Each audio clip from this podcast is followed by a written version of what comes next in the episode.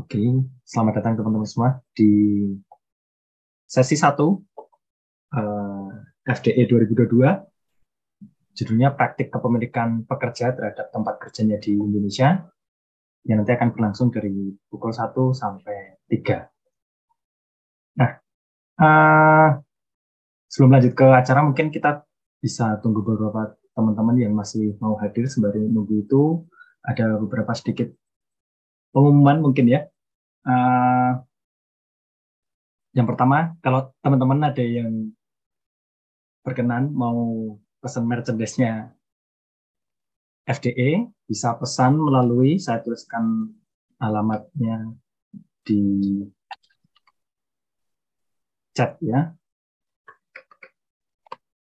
Ya, bisa klik di bit.ly slash merchandise FDE 2022 kalau ada yang berkenan mau pesan merchandise FDE.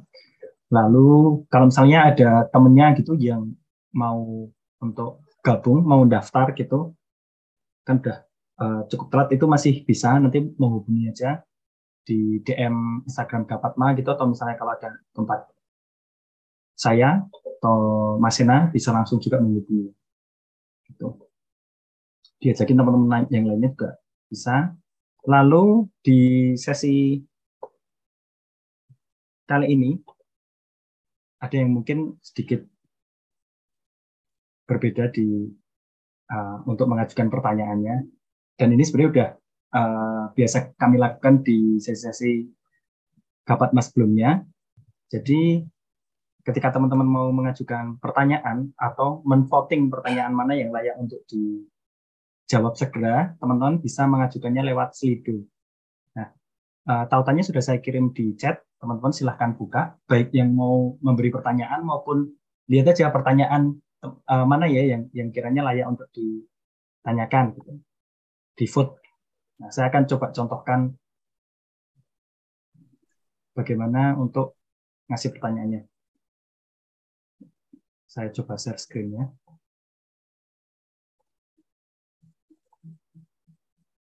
Ya. Tampilannya kan seperti ini nanti ketika teman-teman buka. Nah, lalu ketik saja gitu pertanyaannya di sini. Misalnya ya, kemarin belum bisa bisa tanpa nama atau bisa dikasih nama gitu misalnya. Misalnya contoh saya namanya Mama gitu ya. Terus silahkan diajukan pertanyaannya. Lalu kalau misalnya teman-teman, wah belum kepikiran nih pertanyaan apa gitu atau tanggapan apa gitu, tetap dibuka aja tautannya nanti dilihat-lihat nih pertanyaan teman-teman yang lain yang layak untuk ditanyain yang mana ya lalu di vote nah nanti moderator akan mengurutkan pertanyaan dari yang paling banyak vote-nya ke bawah jadi ketika waktunya tidak memungkinkan untuk bisa dijawab semuanya nanti akan dijawab dari pertanyaan yang paling atas ke bawah sampai waktunya habis gitu diskusi. Nah, mungkin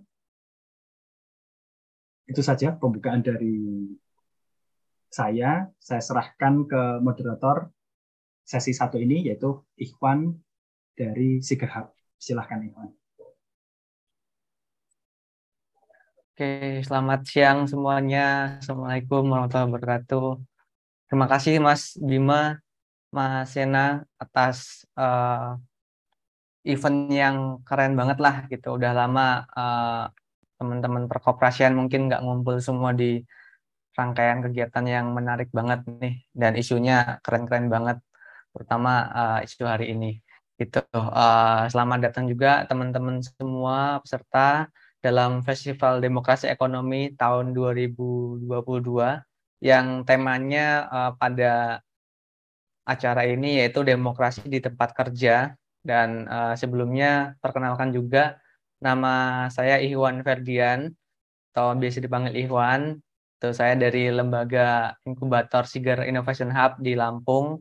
Uh, salam kenal juga buat semuanya. Ini banyak eh, mentor-mentor uh, juga yang hadir di sini.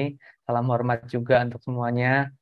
Uh, di sini akan kita masuk sesi kali ini dengan judul praktik kepemilikan pekerja terhadap tempat kerjanya di Indonesia. Jadi seru banget nih gitu. Uh, yang tadinya pekerja bisa menjadi pemilik uh, mungkin skema-skema seperti apa dan pola-pola hubungan seperti apa nanti akan dibahas tuntas nih sama uh, dua pemateri kita atau dua narasumber kita. Yang pertama yaitu ada Mas Anwar Sastro nih, uh, mentor hebat juga nih, keren dari Konfederasi Pergerakan Rakyat Indonesia. Akhirnya ketemu juga Mas apa Sastro. Halo Mas. Sehat? Halo, Bung Iwan. Alhamdulillah, semoga uh, hari ini bisa jadi pertemuan online yang nanti bisa tindak lanjutin dalam pertemuan offline ya, Mas Astro ya. Insya Allah ya, Tuh, harus terus, itu. Ya, supaya bisa uh, keluar gagasan-gagasan yang lebih keren lah ke depannya. Terus ada yang kedua nih, uh, narasumber yang kedua ada Mas Hiski Yosi Kolimpung dari Indo Progress. Halo Mas Yosi, apa kabar? Halo, Baik, baik. Udah masih hidup. Kalau udah lama banget nggak ketemu. Kalau aku dulu ketemu Mas Yosi 2019 terakhir. Ini udah 2020, oh. udah lama banget nih. Akhirnya bisa ketemu lagi Mas Yosi. Nanti mungkin bisa disambung uh, offline karena uh, ya mungkin salah satu pemantiknya aku pribadi uh, ngebentuk Sigar Hub juga dulu hasil diskusi dengan Mas Yosi juga nih 2019 sampai sekarang bisa uh, ketemu lagi nih di kegiatan ini gitu. Nah, uh, mungkin sekitar dua jam ke depan sampai di jam 3 kita akan banyak uh, sharing atau diskusi tentang kepemilikan pekerja terhadap tempat kerjanya di Indonesia ya. Mungkin nanti akan banyak dijelasin praktek-prakteknya atau uh, pemantiknya diskusi oleh uh, narasumber kita tadi yang uh, akan jelasin masing-masing. Nanti teman-teman kita sesi diskusinya akan kita bahas di akhir sesi ya. Jadi uh, supaya clear nanti juga bisa saling menambahkan pertanyaan bisa diajukan ke Mas Yosi atau Mas Sastronya untuk eh, isu-isu uh, baik yang bisa diangkat di siang hari ini atau nanti juga uh, mungkin ada pertanyaan kunci yang memang sebelumnya sudah disiapkan nanti bisa ditanyakan juga aku yakin kalau Mas Astro sama Mas Yosi uh, insya Allah bisa banyak jawab pertanyaan dari teman-teman lah gitu. Nah uh, untuk itu mungkin uh, kita akan uh, lanjut ke diskusi ya biar nanti ring. Jadi uh, nanti untuk yang pertama akan disampaikan nih uh, pemantiknya oleh Mas uh, Sastro tentang isu yang kita bahas kepemilikan pekerja terhadap tempat kerjanya mungkin uh, bisa disampaikan kalau memang ada slide bisa ditampilkan kalau uh, enggak mungkin uh, 30 menit ke depan kita akan mendengar banyak uh, pengalaman banyak gagasan yang udah diangkat sama Mas Astro nih mungkin Mas Astro udah siap sharing nih bareng kita okay. siap dikuras ilmunya ya Ya, terima kasih Bung Ikhwan. Oh, uh, Mas. Bung Yosi, Bima, Sena, Mbak Eri, ada Cak Suroto, siapa lagi nih? Banyak sekali nih kawan-kawan semua. Uh, selamat siang. Assalamualaikum warahmatullahi wabarakatuh. Terima kasih kepada FDI yang telah menyelenggarakan acara ini. Saya pikir acara ini luar biasa itu dan saya sangat senang banyak kaum muda yang uh, terlibat di sini. Uh, mohon maaf saya nggak menyiapkan PowerPoint gitu, tapi ada catatan-catatan kecil lah gitu yang mungkin bisa saya sampaikan gitu. Saya kondisinya lagi kurang fit sekarang ini gitu. Jadi uh, dari kemarin tuh mikirin saya gitu. Jadi Uh, tapi alhamdulillah sekarang membaiklah gitu. Mungkin karena dia ketemu sama kawan-kawan sekalian gitu. Uh, cukup berat sebenarnya materi yang uh, diberikan ke saya terkait dengan uh, praktik kepemilikan pekerja uh, terhadap tempat kerjanya di Indonesia.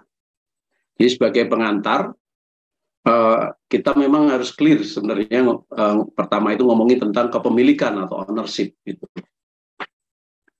Karena hal ini sebenarnya yang mendasari eh, kenapa terjadi penindasan, kenapa terjadi eh, perbudakan, kenapa terjadi sampai ada perang dunia pertama, perang dunia ketiga, eh, kedua, kemudian juga perang dingin dan eh, apa ya persaingan yang hebat sampai hari ini. Jadinya ownership atau kepemilikan itu menjadi wacana yang sangat penting yang harus clear kita definisikan uh, karena ini adalah dasar dari uh, apa di mana kita akan berpihak atau posisi kita ketika kepemilikan itu ya khususnya terhadap alat produksi misalkan itu uh, apa dibatasi terhadap individu misalkan nah pasti akan berbeda tapi kalau kepemilikan atas alat produksi uh, dari individu ini tidak terbatas, yang terjadi adalah seperti uh, dunia uh, saat ini, termasuk Indonesia.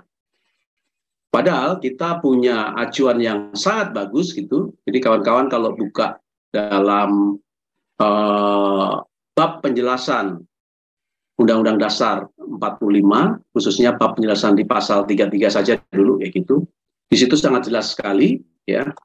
Jadi apa sih sebenarnya uh, contohnya gini saya kutip sebentar jadi uh, dalam pasal 33 itu tercantum dasar demokrasi ekonomi jadi produksi dikerjakan oleh semua untuk semua di bawah pimpinan atau pemilikan anggota-anggota masyarakat kemakmuran masyarakat diutamakan bukan kemakmuran orang seorang sebab itu Perekonomian disusun sebagai usaha bersama berdasar atas asas kekeluargaan. Bangun perusahaan yang sesuai dengan itu ialah kooperasi. Nah, ini sangat jelas sekali. Nah, ditambahkan perekonomian berdasarkan atas demokrasi ekonomi, kemakmuran bagi semua orang. Sebab itu, cabang-cabang produksi yang penting bagi negara dan yang menguasai hidup orang banyak harus dikuasai oleh negara. Kalau tidak, tampuk produksi jatuh ke tangan orang seorang yang berkuasa dan rakyat banyak ditindasnya. Hanya perusahaan yang tidak menguasai hajat hidup orang banyak boleh ada di tangan orang seorang. Bumi dan air dan kekayaan alam yang terkandung dalam bumi adalah pokok-pokok kemakmuran rakyat, sebab itu harus dikuasai oleh negara dan dipergunakan untuk sebesar-besarnya kemakmuran rakyat.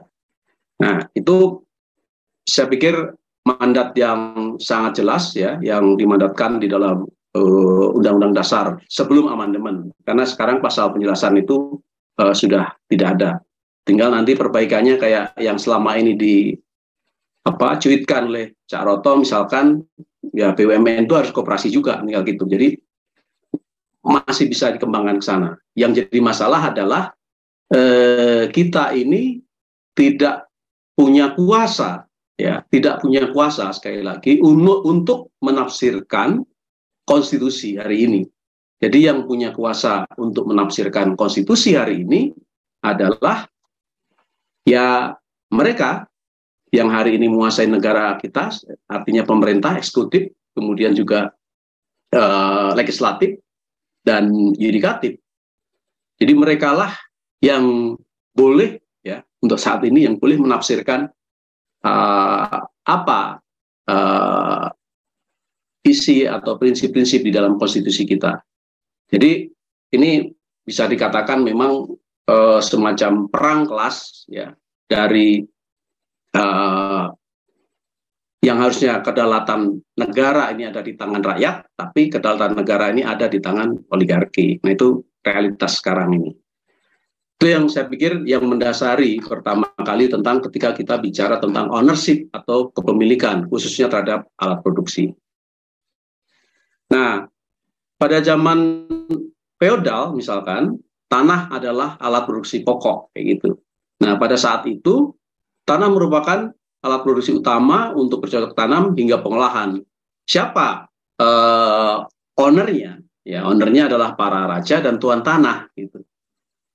Mereka lah yang menikmati kemakmuran dibandingkan para budak atau para e, petani atau buruh tani yang e, sehari-hari mengerjakan e, tanah, tapi tanah itu adalah ownernya adalah para majikan yang disebut dengan raja atau tuan tanah. Nah, kemudian saat pergeseran yang luar biasa besar itu ketika revolusi industri yang pertama ketika si siapa uh, James Watt ya menemukan mesin uap kayak gitu. Nah, mulailah berkembang pesat sebenarnya eh, perusahaan-perusahaan atau pabrik-pabrik dan menjadi um, masyarakat baru yang disebut dengan masyarakat industrialis. Nah, di sini juga ada perubahan relasi uh, kerja yang dulunya misalkan uh, kalau tuan tanah itu ya ya uh, para budak maupun petani-petani yang ada di dalamnya itu, nah itu berubah menjadi uh, upahan. Kalau dulu hamba versus tuan kayak gitu, sekarang bisa dikatakan uh, buruh versus uh, pengusaha. Nah,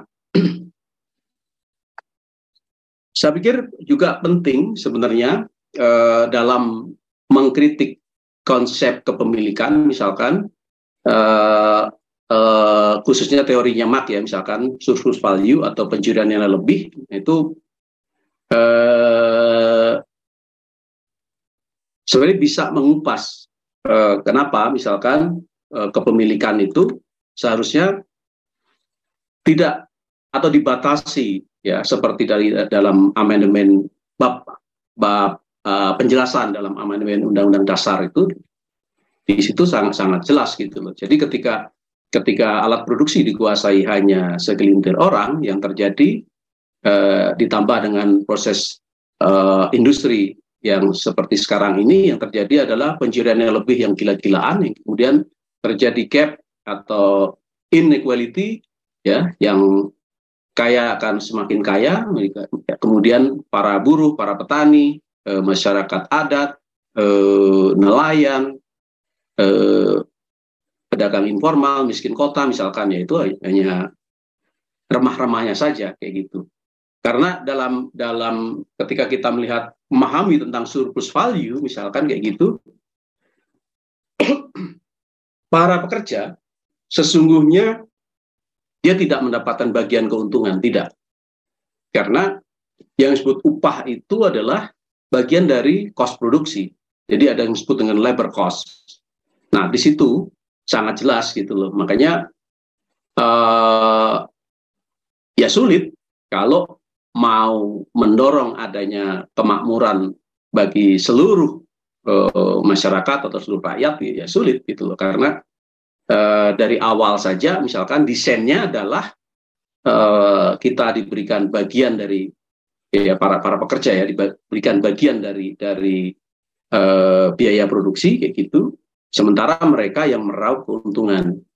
Dan biaya produksi itu sangat kecil untuk ukuran Indonesia. Kalau nggak salah ya mungkin perlu diteliti kembali kayak gitu. Kalau nggak salah cuma enam persen di rata-ratanya segitu beda dengan misalkan Malaysia beda dengan uh, Jepang misalkan Taiwan uh, Korea Selatan misalkan.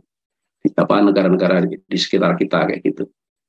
Nah itu yang menyebabkan salah satunya misalkan migrasi. Eh, kenapa banyak migrasi dari Indonesia ke Malaysia ke ke Hong Kong ke Korea misalkan. Karena khususnya untuk pekerja domestik misalkan, karena para pekerja di sana mampu untuk membayar uh, apa uh, asisten rumah tangganya, tuh. karena apa? Labor cost-nya cukup tinggi memang gitu. Jadi labor cost-nya bisa tiga kali lipat dari kita. Kalau di sini misalkan 6 persen, di sana 18 persen. 6 persen untuk biaya makan, ya, 6 persen untuk gaji eh, pembantunya, Nah, 6% lagi untuk entah untuk rekreasi, entah untuk apa kayak gitu.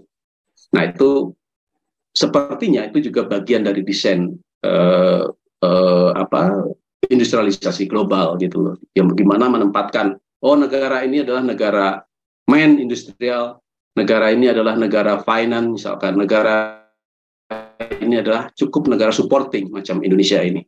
Jadi kita itu hanya supporting negara kita ini kan karena apa? Pertama masalah kekayaan alam kita yang melimpah, makanya hanya sumber dari raw material kayak gitu. Yang kedua kita punya tenaga produktif yang melimpah ya. Lebih dari 200 juta itu ya udah jadi pasar tenaga kerja murah gitu. Yang ketiga kita juga menjadi pasar. Nah, mengenai raw material kalau kalau melihat kondisi sekarang misalkan kita bisa melihat eh, bagaimana uh, kembali ke zaman VOC ketika si si siapa Dendles membuat jalan Anyer Panarukan misalkan, nah sekarang dibuka lagi uh, apa yang disebut dengan pembangunan infrastruktur ya. Jadi ada lintas Sumatera, lintas Kalimantan, lintas Sulawesi, lintas Jawa bagian selatan misalkan. Nah itu semua sebenarnya bagian dari ekspansi uh, ketika uh, apa krisis uh, di tubuh kapitalisme itu sendiri. Sorry kalau agak melebar ya. Nah kembali ke ke sejarah kepemilikan kayak gitu. Sebenarnya kita bisa mempelajari yang yang masih ada artefaknya sampai sekarang. Mungkin kawan-kawan juga bisa datangin yang disebut dengan koperasi uh, Mangunwati. Jadi koperasi Mangunwati itu di daerah Tasikmalaya gitu. Ini sebuah perkebunan yang menghasilkan produk karet atau rubber smoke seed gitu. Nah, sejarah di koperasi Mangunwati itu sendiri berdirinya perkebunannya itu sekitar tahun 1905 kayak gitu. Terus kemudian sempat mengalami uh, krisis uh, berkali-kali puncaknya itu sekitar uh, 30 30 30 37-an kayak gitu tahun 1937-an. Itu eh, yang akhirnya banyak buruhnya sebagian besar pada keluar kemudian ke kota kayak gitu. Tetapi yang terpenting sebenarnya adalah eh, para buruhnya itu telah bersentuhan dengan kaum pergerakan ya itu sejak dini. Contoh misalkan uh, dengan syarikat dagang Islam, dengan syarikat Islam gitu, mereka sudah bersentuhan. Bahkan ketika terjadi pemogokan-pemogokan, mereka juga sempat ditangkap buruh-buruh di, di, di perkebunan Mangunwati ini. Terus uh, ketika krisis ya di tahun 1937-an tadi, termasuk juga terjadi uh, revolusi 45 ya. Nah, uh, uh, apa pengusahanya kabur kan kayak gitu. Jadi ditinggalkan. Nah, kemudian waktu krisis tadi para pekerja, para buruhnya ini pada ke kota, ke Tasikmalaya, ke ke, ke Bandung misalkan kayak gitu ceritanya, mereka ketemu dengan para tokoh-tokoh baik itu PNI, kemudian kemudian eh, apa PNI baru ya kayak Hatta, Sahri macam-macam gitu. Nah, Kongres itu mungkin menjadi alasan kenapa Kongres Koperasi pertama itu di Tasikmalaya. Karena ada agenda sebenarnya. Jadi agenda semacam pilot project bersama. Nah, mungkin nanti FDA juga bisa buat semacam itu. Jadi uh, pilot project bersama untuk bagaimana menyuguhkan kooperasi pekerja ala Indonesia. Ya, kayak gitu. Dan pasca kongres ya tahun 47 pasca kongres itu langsung saja para mantan buruh dan buruhnya itu bergabung kembali mereka membangun kembali uh, perkebunan tersebut menjadi perkebunan milik uh, uh, apa milik para pekerjanya atau disebut koperasi produksi. Nah itulah sejarah tentang koperasi Mangunwati ya meskipun sekarang bisa dikatakan ada ada apa ya ada semacam pergeseran-pergeseran lah kayak gitu konsistensi apa gitu itu ada perubahan di situ. Yang nggak masalah tapi kita paling nggak punya artefak itu. Yang kedua tahun sekitar 50 ya pasca konferensi meja bundar dan perebutan Irian Barat kayak gitu itu terjadi sebenarnya upaya pengambil alihan eh, perusahaan-perusahaan Belanda oleh serikat-serikat buruh terutama SOPSI, KBKI Bahkan serikat-serikat buruh yang di bawah Masumi yang anti mogok pun itu juga ikut terlibat. Nah, ini luar biasa. Kayak misalkan eh, blok cepu ya, cepu, cepu, cepu bukan cepu intel, cepu eh, minyak gitulah, ya gitu. Itu juga eh, sempat dikuasai oleh eh, eh, serikat buruh dan juga yang di Sumatera. Terus kemudian eh, bandara, kemudian percetakan, hampir semuanya itu diambil alih kembali oleh para serikat buruh. Cuman eh, sayangnya ya pengambilan ini di, di, di apa dihentikan oleh Jenderal Nasution waktu itu ya Kasat itu. Lalu pengambilan alihan diambil alih oleh tentara. Nah itu yang yang terjadi. Meskipun sebenarnya kalau dalam dalam sejarah yang saya lihat ya gitu eh, salah satu permasalahannya adalah sepertinya hampir sama dengan para buruh sekarang ya soal imajinasi.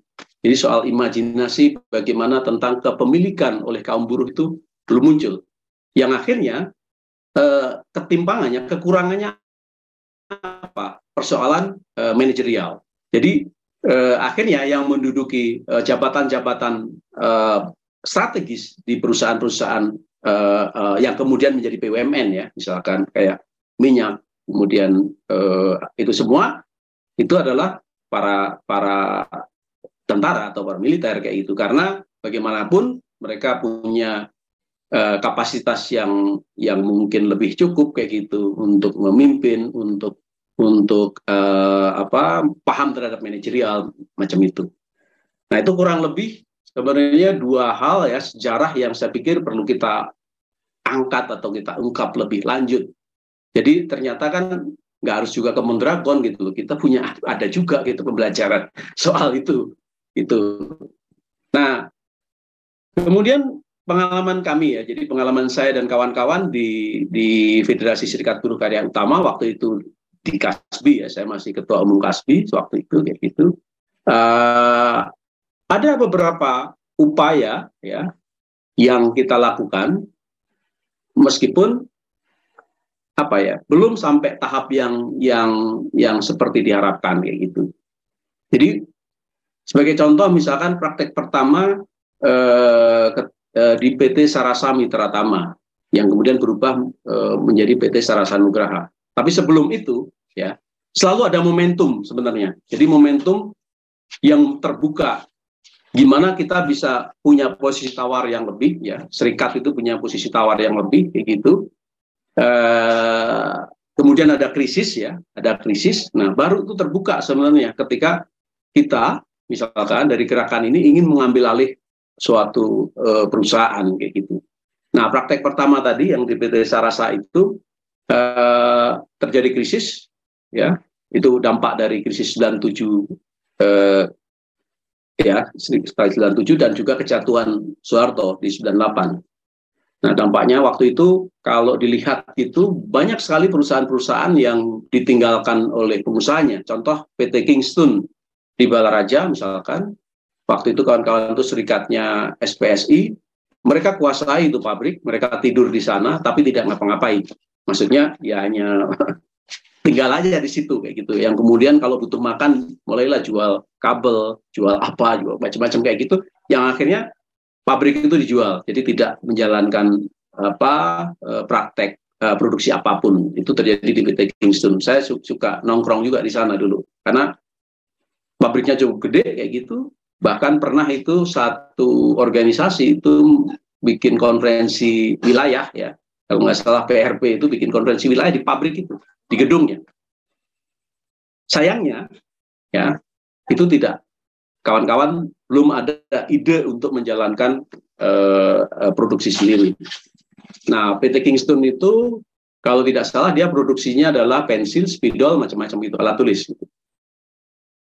Nah, itu menjadi pembelajaran tapi waktu itu. Jadi menjadi pembelajaran uh, apa namanya yang akhirnya misalkan dekat dari PT Kingston itu ya ada PT Sarasa, ada terjadi krisis, lalu ada pemogokan juga karena upah tidak dibayar dan lain-lain kayak gitu.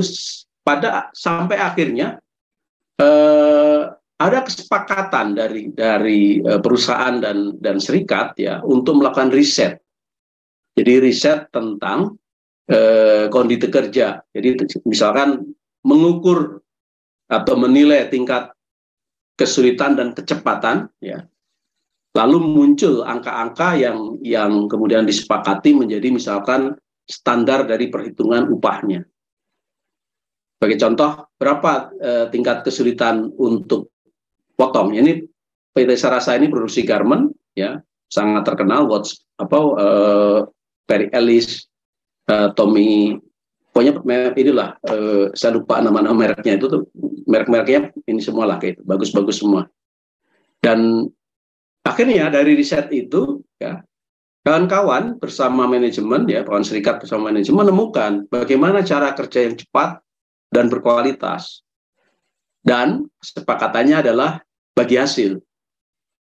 Jadi bagi hasil dari seluruh hasil ya. Uh, misalkan dua uh, 50% untuk uh, upah ya, 50% lagi untuk uh, manajemen setelah dikurangi seluruh biaya-biaya, biaya listrik, aksesoris uh, dan lain-lain.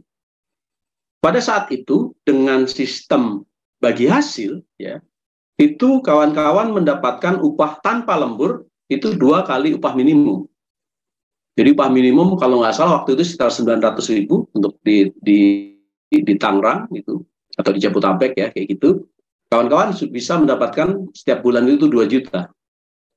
Sayangnya praktek ini ya padahal apa, eh, bagus banget kayak gitu. Pengusahanya juga puas ya karena dia tidak perlu capek-capek untuk membuat SP atau macam-macam karena eh, sangat solid antara serikat dan manajemennya. Sayangnya hanya bertahan selama tiga tahun.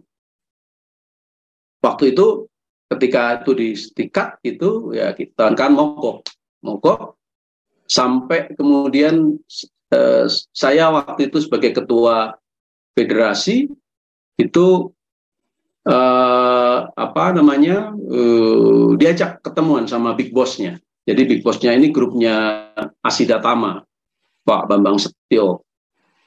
Nah dalam apa pertemuan itu disampaikan sebenarnya kami tidak rugi, sangat tidak rugi ini sangat menguntungkan. Yang jadi masalah adalah uh, sistem semacam ini tidak di tidak diperbolehkan di Indonesia gitu. Jadi dikepung apa di dilarang atau di bakal dikucilkan lah. Karena bayangin kalau di tempat yang lain misalkan dia harus mungkin kerja sampai eh, apa ya 15 jam baru bisa mendapatkan itu. Sementara teman-teman cukup nggak perlu overtime gitu. Tapi target tercapai. Jadi kerja dengan dengan semat lah ya itu. Jadi dengan semat itu singkatannya apa? Specific, measurable, achievable. Ya, pokoknya keren lah kayak gitu ya. Nah, teman sayangnya hanya bisa bertahan tiga tahun karena dikepung oleh mungkin eh, pengusaha-pengusaha yang lain, dan juga termasuk pabrik-pabrik sekitarnya kayak gitu. Nah, praktek kedua ketika terjadi krisis juga di PT Inspiran. Jadi PT Inspiran Aditama. Kalau tadi di Balaraja itu, itu eh, sedikitnya ada di uh, kawasan industri Cikupa. Nah, di sana beda lagi caranya. Jadi pengusahanya sudah nggak mau lagi kayak gitu. Lalu eh, terjadi negosiasi sampai kemudian berbagi pekerjaan. Kalau ini berbagi pekerjaan. Jadi kawan-kawan serikat itu bertanggung jawab di produksi ya, karena sadar untuk mencari misalkan eh, pasar misalkan akan kesulitan, mengurus akunting juga kesulitan. Akhirnya kawan-kawan udah serikat hanya fokus untuk urusan produksi. Jadi yang namanya manajer produksi itu adalah ketua serikat, termasuk misalkan eh, supervisor apa itu pengurus serikat. Dan jalan bagus. Cuman bulan hitungannya, tidak tahun ini. Sekitar ya sekitar 7 8 bulan lah kayak gitu. Kepotong oleh liburan ketika lebaran. Jadi ketika lebaran selesai kawan-kawan balik lagi kayak gitu, pabriknya sudah jadi kemah tentara. Bendera serikat diturunin kayak gitu. Eh, banyaklah senjata-senjata dibuat kayak api unggun macam kayak gitu. Terus kawan-kawan jangankan ke pabrik, ke kontrakannya ke kos-kosannya saja tidak sudah tidak bisa. Termasuk diusir oleh warga di sekitar situ. Jadi eh, itu ya sa sangat berat. Yang akhirnya aja ya sudah gimana lagi gitu. Akhirnya lari-lari ke PHI lagi dibantai lagi gitu. Jadi kalau peradilan hubungan industrial itu sebenarnya eh, mayoritas kasus tidak tidak tidak dimenangkan di situ. Tapi kebanyakan di situ ya eh, apa dibantai. Maksudnya kalah lah kawan-kawan gitu Nah, kemudian praktek yang terakhir ya itu di Istana Magnolia di eh, Kapuk Jakarta Utara. Nah, kawan-kawan bisa melihat cerita singkatnya itu ada di di Tirto kalau nggak salah ada si Rio Avinio itu menuliskan dengan baik, sangat baik begitu. Jadi Uh, ini sekitar tahun 2000, 2007 kalau nggak salah. Waktu itu perusahaan-perusahaan atau pengusaha-pengusaha ini lagi kenceng-kencengnya untuk merubah status dari eh, apa eh, status PKWT, ya, eh, sorry, yang tetap itu, jadi status tetap ke status kontrak atau outsourcing. Nah, di dalam uh, upaya itu untuk mem-PHK seluruh para pekerjanya itu ditentang, ditolak oleh kawan-kawan. Ya. Sampai kawan-kawan bikin kemah depan gerbang pabrik. Ya. Lalu pengusahanya memilih untuk kabur. Ya sudah, bukan kabur pergi, bukan, tapi udah nggak mau ngurusin lagi. Sampai akhirnya kawan-kawan masuk ke dalam, ya masuk ke dalam, waktu itu ya berhadapan sama aparat, berhadapan sama preman, udah ceritanya apa berat juga ya nggak nggak gampang kayak gitu. Terus tambah berhadapan dengan banjir. Jadi kawan-kawan bikin masuk, akhirnya eh, eh, beberapa keluarga tuh tinggal di dalam pabrik itu, ya. Ya kita kegiatannya apa? Aksi-aksi, diskusi macam itu awal-awalnya. Lalu ada datang nih tamu dari dari dari dari apa putus ini hand of hand of Venezuela itu si si ah, Jorge Martin itu datang ke sini. Nah ini dia bawa film yang judulnya The Tick. Jadi proses pengambilan pabrik di, di di di Brasil. Eh sorry di Argentina. Nah kita nonton bareng gitu. Padahal kawan-kawan sudah tidur tidur di di, di pabrik itu udah, udah sekitar dua tahunan itu di apa ya kita kuasai pabrik itu. Pasca nonton itu langsung gitu, ya udah kita bikin kepanitiaan. Jadi kolaborasi antara antara kawan-kawan yang uh, pekerja di situ ya dengan kawan-kawan yang di luar itu termasuk dari dari Kasbi, dari PRP, ada banyak pihak dari LBH Jakarta, Angkasa Pura, jadi semua ikut terlibat ya untuk membahas uh, tentang rencana tersebut dan akhirnya Kendala pertama adalah kendala listrik. Jadi PLN nggak mau menghidupkan. Padahal waktu itu anggotanya KSN ya Komite Solidaritas Nasional itu salah satunya adalah SPPLN, tapi nggak mampu juga loh menghidupkan listrik di situ. Jadi padahal seharusnya bisa kayak gitu. Nah, lalu kita lihat itu ada mesin genset yang rusak. Kita juga cek ada sekitar 16.000 liter solar ya jadi ada tangki besar kayak gitu yang isinya salah satunya solar ya udah kita kemudian perbaiki itu genset ya. Perbaiki genset eh, lalu kita cek semua mesin-mesin yang ada yang bisa difungsikan. Ya udah kawan-kawan jalan. Nah sangat berbeda memang misalkan seperti yang diinspiran kapasitas serikatnya utuh mumpuni kayak gitu. Di PT Sarasa juga begitu ya kapasitasnya misalkan sampai orang berperan jadi direktur aja bisa kayak gitu. Tapi di PT Istana ini ternyata tidak. Jadi karena memang kawasan industri di Jakarta itu rata-rata sangat tua. Jadi ada orang atau kawan kita yang bekerja di situ selama 20 tahun kerjamu apa? Hmm. kalau misalkan pabrik sepatu atau pabrik sepatu yang kulit kayak gitu saya kerjanya malu. Kok malu? Iya jadi selama 20 tahun hanya malu aja kayak gitu. Jadi ada yang kerjanya cuma pasang kancing, kerjanya cuma jahit kerah, kerjanya cuma potong. Jadi enggak. Terus ketika ditanya, paham nggak apa pekerjaan supervisor? Tidak. Paham nggak pekerjaannya manajer? Tidak. Tapi kawan-kawan semangat untuk bekerja dan sampai akhirnya eh, eh, apa namanya janganlah itu sempat punya order dari salah masuk salah satunya ada di untuk apa eh, mall ya Ramayana misalkan. Terus juga sempat dapat order eh, seragam eh, ASN di DKI Jakarta macam kayak gitu. Tapi sekali lagi eh, kelemahan di PT Istana ini adalah memang salah satunya ada kekurang solitan di antara di antara uh, kawan-kawan. Terus pengaruh uh, manajemen juga masih kuat ya bergerilya uh, mencari orang yang bisa dipengaruhi macam itu. Tetapi kita masih nekat dan dan kawan-kawan masih bisa sebenarnya untuk melakukan eh, dengan sangat terbatas dengan didukung oleh oleh jaringan tadi. Jadi waktu itu kan dibentuk yang disebut komite eh, pengambil alihan eh, eh, PT Istana. Jadi kalau ingat kawan-kawan Mede tahun berapa ya, itu banyak kaos ya 100% hasil eh, produksi eh, apa rakyat pekerja. Nah, itu ada juga kaos yang pernah diproduksi. Dan ini juga punya jaringan. Jadi punya jaringan, misalkan pengambil alihan di Thailand, terus pengambil alihan di, di, di, di Argentina, di Brasil, di berbagai negara itu ada ada jaringannya. Jadi sebenarnya sangat luar biasa. Nah, kemudian di sini kelihatan bagaimana bahwa tidak ada peran perlindungan dari negara. Waktu itu pengusaha plus para eh, debitur ya itu memailitkan ini perusahaan lalu dipilotkan terus kemudian eh, kan apa pesa, haknya buruh ini ada pesangon di situ ya dua kali PMTK itu ada di situ eh, tetapi ini juga haknya misalkan pajak bank macam-macam yang punya utang terhadap perusahaan tersebut akhirnya di, perusahaan itu dijual lalu ya kawan-kawan harus harus pergi itu dari situ.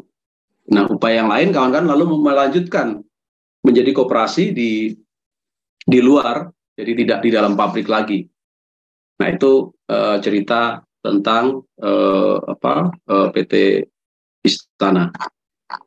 Nah, sebagai catatan dari dari berbagai upaya tadi ya, yang penting menurut saya untuk ke depan gitu supaya kita juga tidak tidak terlalu capek sebenarnya untuk bagaimana ketika entah itu memprovokasi atau ngomporin macam itu ya.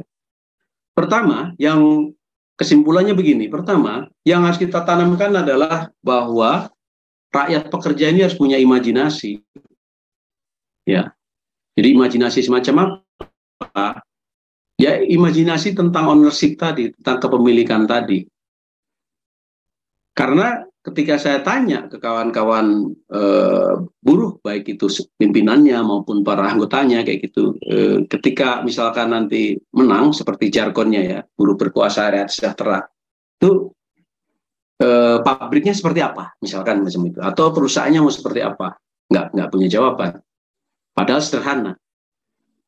Jadi ke depan, ketika ada yang namanya perusahaan, ya, pemiliknya adalah para pekerjanya Nah, dengan begitu eh, pasti apa namanya yang disebut dengan perang kelas selama ini tuh bisa di, di, dimenangkan oleh oleh kaum buruh. Nah, imajinasi itu yang saya pikir perlu ditanam mungkin di dalam bagaimana kita melakukan penyadaran, melakukan ideologisasi. Jadi bukan sekedar eh, apa namanya eh, copy paste atau eh, perang kutipan kayak gitu, tapi apa kira kira yang lebih sederhana lagi yang bisa di, ditanamkan kepada eh, rakyat pekerja di Indonesia terkait dengan eh, kesadaran tentang kepemilikan bersama atas alat produksi. Yang kedua adalah bagaimana kita juga bisa selalu eh, menggunakan momentum. Jadi ketika ada momentum semacam krisis semacam itu, sebaiknya kita memang harus membangun kolektif ya, membangun eh, kebersamaan baik termasuk mereka misalkan kawan-kawan yang kerja di perusahaan-perusahaan termasuk kita kayak gitu jadi bikin semacam uh, uh, satu komite komite yang yang strategis yang sekiranya adalah uh, bagaimana untuk menyelamatkan kepemilikan alat produksi kayak gitu uh, agar dimiliki oleh para para pekerjanya nah yang lain yang sangat penting ya seperti yang terjadi misalkan ketika tahun 50-an, kemudian juga terjadi di PT Istana, itu adalah masalah manajerial. Nah, di sini menjadi saya pikir peran yang sangat vital ketika eh, kesiapan manajerial itu kita miliki. Nah, sebenarnya kita bisa bisa istilahnya ya setengah dari upaya eh, kepemilikan eh, alat produksi itu ada di tangan kita. Itu itu saya yakin itu 50% ada di di, di manajerial. Kenapa? Kalau kita amati misalkan eh, dari sejarah yang disebut dengan korporasi dari zaman ketika mungkin ya ketika James Watt menemukan mesin uap sampai sekarang struktur dari perusahaan itu tidak pernah berubah. Jadi mau ada perang dunia pertama, perang dunia ketiga, mau ada COVID, mau ada apa pandemi yang lain kayak gitu, mereka tetap strukturnya seperti seperti itu juga. Ya, misalkan contohnya ada komisarisnya, ada uh, direktur atau baik itu misalnya direktur atau presiden direktur, ada manajer, di bawahnya ada supervisor, ada kepala regu, kemudian ada operator. Mau semua perusahaan mirip-mirip semacam itu. Tapi ini tidak pernah berubah berabad-abad loh ya. Jadi mereka kokoh. Artinya uh, struktur uh, manajemen termasuk juga uh, pembagian mungkin departemenisasi atau divisi-divisi itu eh, apa ya mereka sangat, sangat tepat sekali kayak gitu. Nah ini yang saya pikir perlu kita pelajari ketika kita ingin mendorong eh, ke depan tentang bagaimana upaya kepemilikan eh, tempat kerja oleh eh, eh, para para pekerja. Nah kemudian hal lain yang yang tentu eh, bisa juga harus kita intervensi adalah eh, bagaimana menyiapkan pasar dari dari produk kita. Tadi sebelum di diskusi ini dibuka ya kita sempat ngobrol-ngobrol sama Mas Sena, sama uh, Bima gitu, masuk Mas Yosi gitu uh, tentang uh, apa namanya bagaimana menyiapkan pasar misalkan. Apakah konsumsi bisa dipimpin? Saya yakin itu bisa dipimpin. Kalau kesadarannya memang eh, kita intervensi. Kalau kita bisa membangun imajinasi eh, eh, apa eh, bersama kayak gitu. Nah kemudian eh, untuk bagaimana mendorong ada keperpihakan negara, ya mungkin agak berat ini karena ini eh, apa masuknya adalah ke mesti ke ganti rejim, ganti sistem itu dan itu berat. Jadi tidak sederhana. Tapi sekarang ini ada upaya yang saya pikir lebih lebih agak lebih mudah kampanye publik gitu loh. Jadi publik sekarang ini contoh bisa mempengaruhi kok gitu. Pembelokan yang akan dilakukan oleh uh, gengnya Freddy Sambo misalkan contoh begitu. Itu publik sangat kuat, sangat berpengaruh untuk itu. Jadi itu itu upaya yang saya pikir juga bisa bisa dilakukan. Nah, terus eh, terakhir Nah, sepertinya kita juga harus terus mengkampanyekan seperti di awal saya sampaikan tentang tafsir dari konstitusi kita. Jadi harus kita teriakkan sekencang-kencangnya, seluas-luasnya bahwa founder fathers kita itu mendirikan bangsa dan negara ini ya ketika menyangkut tentang perekonomian yaitu demokrasi ekonomi demokrasi ekonomi ala kita ya yang jelas bahwa contoh misalkan eh, tadi yang apa namanya saya sebut eh, bahwa hanya perusahaan yang tidak menguasai hajat hidup orang banyak boleh ada di tangan orang seorang ketika Eh, perusahaan itu menguasai hajat hidup orang banyak misalkan tidak diberikan. Terus juga soal penguatan bahwa yang bukan korporasi tapi kooperasi. Jadi kooperasi yang seharusnya ada uh, uh, uh, di, di negara ini. Jadi bukan apa korporasi-korporasi uh, yang dominan seperti sekarang ini. Mungkin waktu saya sudah habis gitu diperingatkan oleh moderator. Terima kasih. Kalau ada kekurangannya saya mohon maaf ya, nanti kita bisa lanjut ke diskusi saya kembalikan lagi ke moderator terima kasih oke terima kasih Mas Astro wah jadi uh, ke reminder nih ternyata nggak perlu jauh-jauh belajar nih contoh di Indonesia aja udah banyak banget tinggal dijagain tuh biar umurnya nggak cuman bulan atau beberapa tahun kan itu tanggung jawab besar uh, kita semua kayak yang ada di sini juga udah dipantik sama Mas Astro Oke, uh, mungkin tadi dari singgung juga di komentar soal uh, selain ideologi juga manajerial seperti apa. Mungkin nanti juga akan dibahas eh, nih sama narasumber yang kedua nih ada Mas Yosi nih. Halo Mas Yosi. Halo, halo. Oke. Ya Mas. Oke Mas, nih uh, mungkin bisa disambung nih uh, diskusi tadi yang dipantik oleh Mas Astro nih, oleh Mas Yosi nih. Oh. Kita uh, langsung aja nih, nanti kita akan sharing-sharing, tanya jawab, lanjut di akhir sesi. Oke, oke. Silakan Mas Yosi. Uh, baik, ya pertama-tama saya ucapkan terima kasih buat teman-teman uh, Gapatma ya di Festival Demokrasi Ekonomi ini Uh, terima kasih untuk undangannya dan senang bisa ketemu uh, teman-teman uh, di gerakan demokrasi ekonomi lah ya atau gerakan kooperasi uh, pekerja dan seterusnya gitu. Uh, iya tadi uh, apa namanya Mas Astro bilang ngilang. Iya saya lagi lagi ngilang sebenarnya. itu jadi nanti uh, uh, ya saya akan jelaskan beberapa hal juga uh, soal soal pengalaman-pengalaman dan dan sebenarnya uh, kehilangan saya itu juga ada uh, ada ada cerita di balik itu yang yang yang menurut saya walaupun itu ada banyak personalnya tapi uh, ada beberapa poin yang menurut saya penting untuk untuk bisa kita diskusikan di di siang hari ini situ. Uh, kebetulan saya siapin PowerPoint tapi mungkin nggak begitu rapi jadi uh, mohon maaf.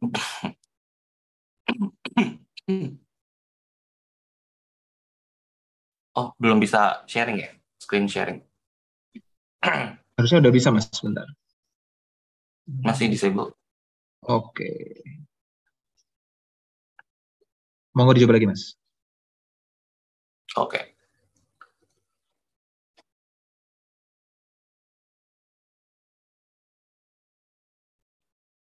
Uh, baik.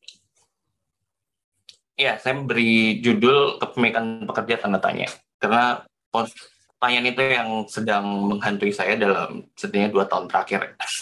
Gitu. Uh, ya saya mulai uh, ada empat poin yang mau saya bahas. Yang pertama KVR dulu. Ini uh, uh, perlu saya sampaikan bahwa saya bicara di sini uh, saya nggak tahu saya masih belong to gerakan kooperasi atau apa karena saya sejak 2019 akhir atau 2020 bahkan itu saya secara sadar dan secara sengaja mundur dari gerakan koperasi. Dan saya ada beberapa koperasi serikat yang saya juga berpartisipasi dalam membentuk itu saya mundur juga dari situ. Jadi uh, saya butuh ya dalam lima tahun terakhir itu saya sangat sangat tidak produktif bahkan dari segi peneliti ya, ya saya sebagai peneliti konsultan uh, kerjaan saya lebih banyak kerjaan untuk bohir gitu ya ketimbang kerjaan yang uh, memang adalah proyek pengetahuan saya atau proyek pergerakan saya di situ. Dari segi uh, produksi pengetahuan pun hampir tidak ada. Saya menulis uh, di baik bahkan untuk di Indo Progress pun saya uh, jarang sekali menulis itu boro-boro jurnal apalagi buku di situ.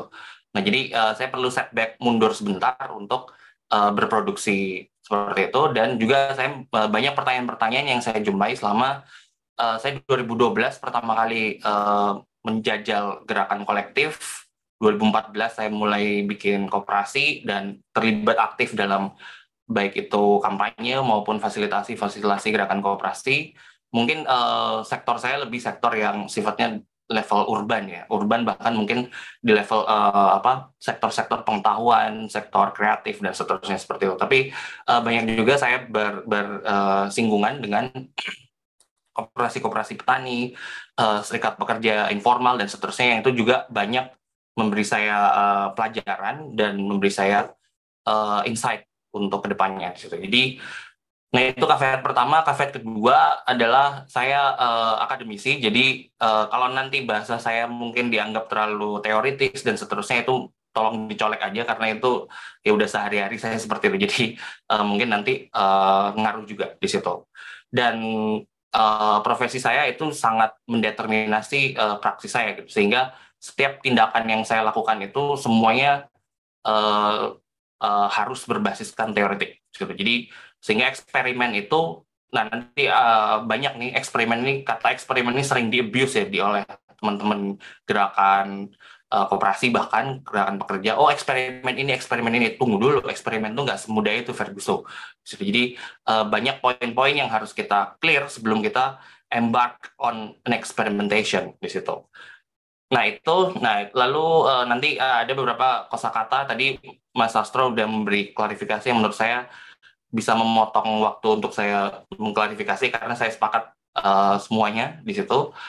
Lalu retrospektif, nah ini tadi Mas Astro menjelaskan pengalaman-pengalaman uh, beliau dengan serikat-serikat pekerja. Nah saya juga uh, akan memberikan pengalaman-pengalaman saya, tapi lagi-lagi saya lebih menarik implikasinya saja di situ. Jadi ada ada beberapa kolektif yang mungkin tidak bisa saya jelaskan secara detail uh, apa namanya kasusnya, tapi uh, menurut saya pembelajaran dari kasus itu yang saya kira bisa kita uh, petik di situ. Dan terakhir saya simpulkan dengan beberapa implikasi praktis situ.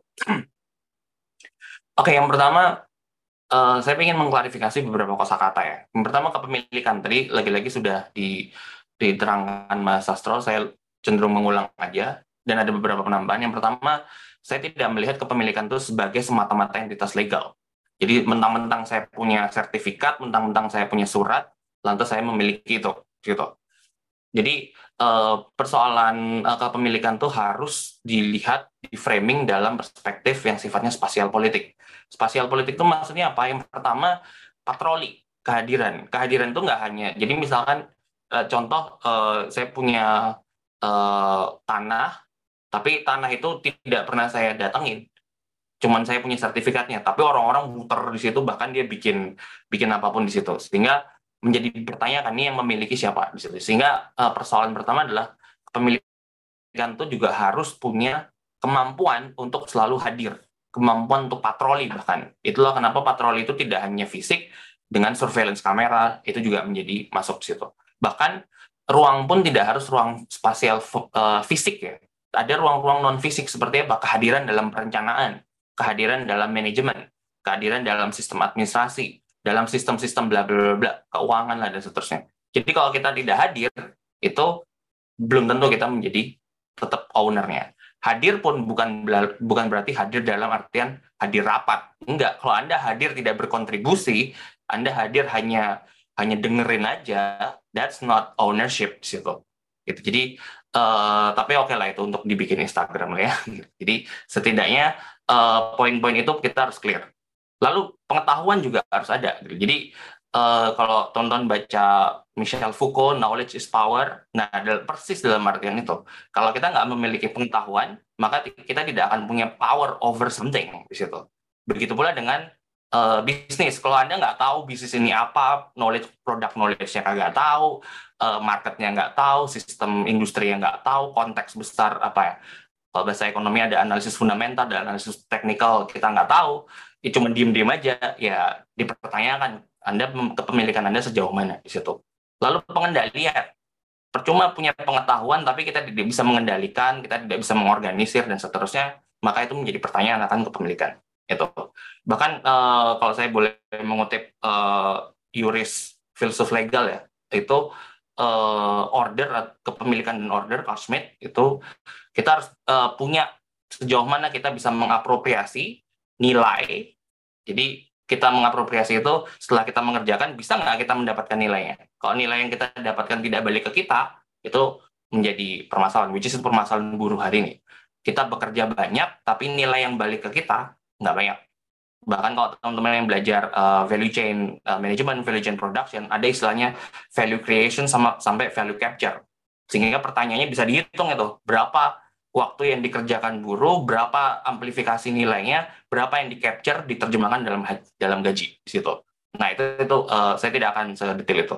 Lalu distribusi, punya nggak kita kapasitas, kemampuan, wewenang untuk melakukan distribusi ini ke sini, pengalokasian budget, pengalokasian uh, energi dan seterusnya, dan produksi. Bahkan terakhir, saya lebih cenderung melihat uh, kepemilikan itu dari perspektif otonomi otonomi itu lagi-lagi saya tidak harus memiliki gitu. Dan ini yang yang uh, belakangan banyak saya praktekkan. Saya tidak harus memiliki sesuatu untuk mencuri nilainya. Yang terpenting bukan kepemilikan barang ya tapi bahwa nilainya itu yang bisa saya ambil. Dan ini bagi saya cukup liberating ya karena apa? Di, di kala kita nggak bisa membeli banyak modal tidak punya memiliki banyak modal dan kita harus bekerja memberikan energi waktu kita di tempat kerja yang lain, bisa loh saya mencuri nilai dari situ, tapi saya alihkan untuk tidak untuk perusahaan ini, tapi untuk yang lain di situ. Nah, jadi uh, itu kenapa penting untuk mengkritisi persoalan uh, kepemilikan di situ. Walaupun saya yakin ini kita perlu uh, diskusi yang lebih panjang. Di. Jadi poin pertama adalah bagi saya adalah kepemilikan bukan entitas legal di situ. Lalu pekerja ini hal yang paling menjengkelkan juga. Banyak orang bilang pekerja, pekerja, pekerja, pekerja gitu. Eh tunggu dulu. Anda mengutip Marx, mengutip Lenin, mau cetung bla bla bla belum tentu Anda adalah bagian dari kelas pekerja. Dan ini pelajaran yang saya sangat berharga buat saya. Karena apa ya? Ya udah bosen lah hari-hari ini kalau kalau aktivis, kalau intelektual nggak mengkritik kapitalisme itu nggak keren, bahkan menjadi norma uh, morally bad gitu kan. Bahkan kalau di luar negeri itu uh, menjadi akademisi itu adalah sama dengan mengkritik kapitalisme gitu. Jadi kalau Anda nggak mengkritik kapitalisme, Anda bukan akademisi. Gitu. Jadi bagi saya ini menjadi bermasalah. Poinnya bukan di kritiknya, poinnya bukan di kutipan-kutipannya, tapi poinnya adalah sejauh mana Anda menjalankan agenda politik kelas pekerja di situ. Sehingga pertanyaan berikutnya, eh, gerakan pekerja menjadi kabur dengan perjuangan upah, hak-hak pekerja, kesetaraan, decent work dan seterusnya. Sehingga kabur ini ini gerakan pekerja yang mana apakah ini gerakan kelas, pekerja sebagai kelas, atau pekerja sebagai citizen. Nah, ini yang yang yang menurut saya kabur dan bahkan implikasi praksisnya adalah mengaburkan kawan dan lawan di situ. Uh, itu yang yang yang kedua ya. Lalu bukan berarti juga saya melihat bahwa perjuangan di antara ini nggak penting ya. Oh perjuangan upah, bikin serikat, lihat.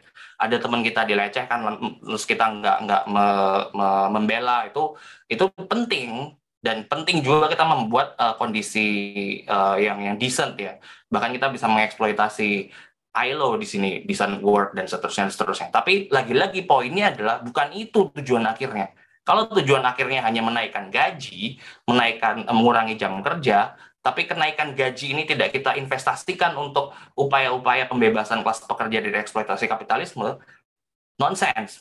Sama dengan pengurangan jam kerja, pengurangan jam kerja, jam kerja yang dikurangi kita pakai hanya untuk scrolling Instagram dan bikin TikTok.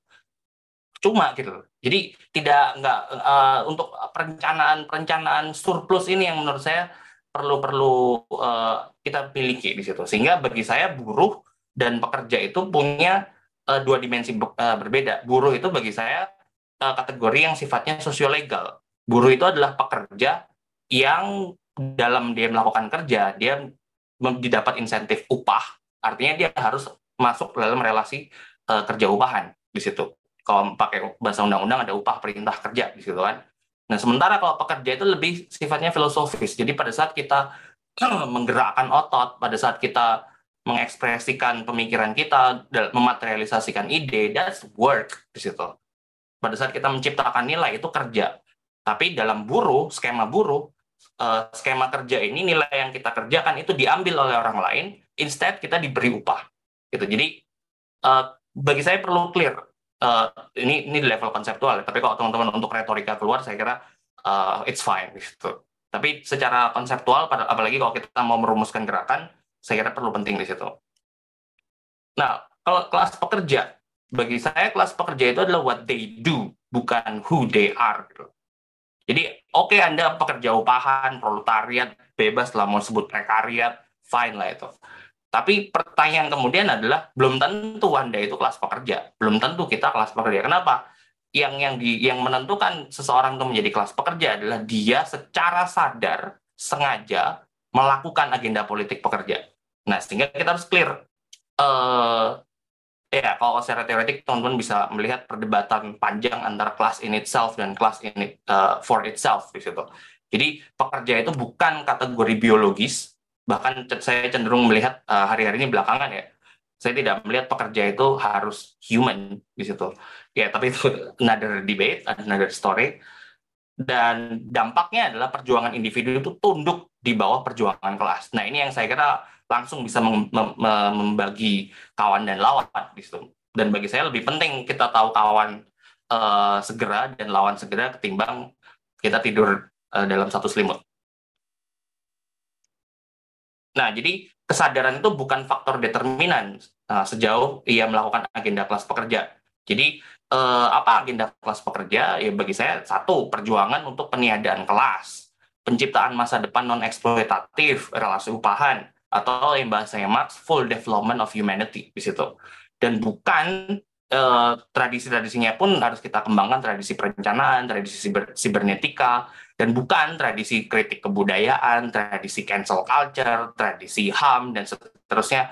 Itu semua cuma antara. Itu semua cuma eh, perantara aja menuju eh, agenda-agenda perjuangan kelas yang itu. Jadi Lalu uh, klarifikasi berikutnya, eksperimentasi ini lagi-lagi yang uh, sering di abuse bahkan di teman-teman uh, gerakan kooperasi uh, yang yang saya tahu, bahkan bahkan teman-teman terdekat uh, saya juga banyak melakukan itu. Uh, eksperimen bikin kooperasi makanan, eksperimen bikin kooperasi vape, eksperimen bikin semua eksperimen, eksperimen, eksperimen matamu gitu. Eksperimen yang dimaksud itu coba-coba, bukan. Kalau eksperimen itu coba-coba, itu bukan eksperimen. Eksperimen itu adalah satu, bangun hipotesis. Setelah bangun hipotesis, dua, bikin desain desain eksperimentasi. Keluarkan pertanyaan, eksperimentasi ini untuk menjawab pertanyaan.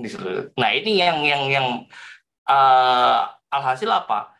Alhasil uh, teman-teman saya sempat eh, mengalami itu juga. Jadi kacamata kuda, seolah-olah eksperimen saya ini adalah yang pertama di dunia gitu. Tunggu dulu, banyak yang udah melakukan itu. Pelajari dulu salah mereka apa, address di praktis yang akan mau kita lakukan di situ. Nah ini yang yang uh, apa namanya salah satu otokritik uh, saya dan dan dan teman-teman juga di koperasi kami situ. Uh, ini tujuan. Oh ya ini ini uh, tujuan akhirnya apa sih kalau saya mau boleh mengutip uh, Marx itu adalah uh, ada universal exchange, uh, uh, apa namanya, full development of human mastery over forces of nature, dan seterusnya, seterusnya. Bisa teman-teman baca sendiri di sini. Nah, uh, banyak juga teman-teman uh, yang sudah mengaku kelas kelas pekerja tuh masih hobinya mengeluh gitu. Tunggu dulu, kalau kalau lu uh, clear, kalau kalau kita sudah mengassume posisi kelas pekerja, maka kita punya musuh dan musuh itu pasti mau menindas kita.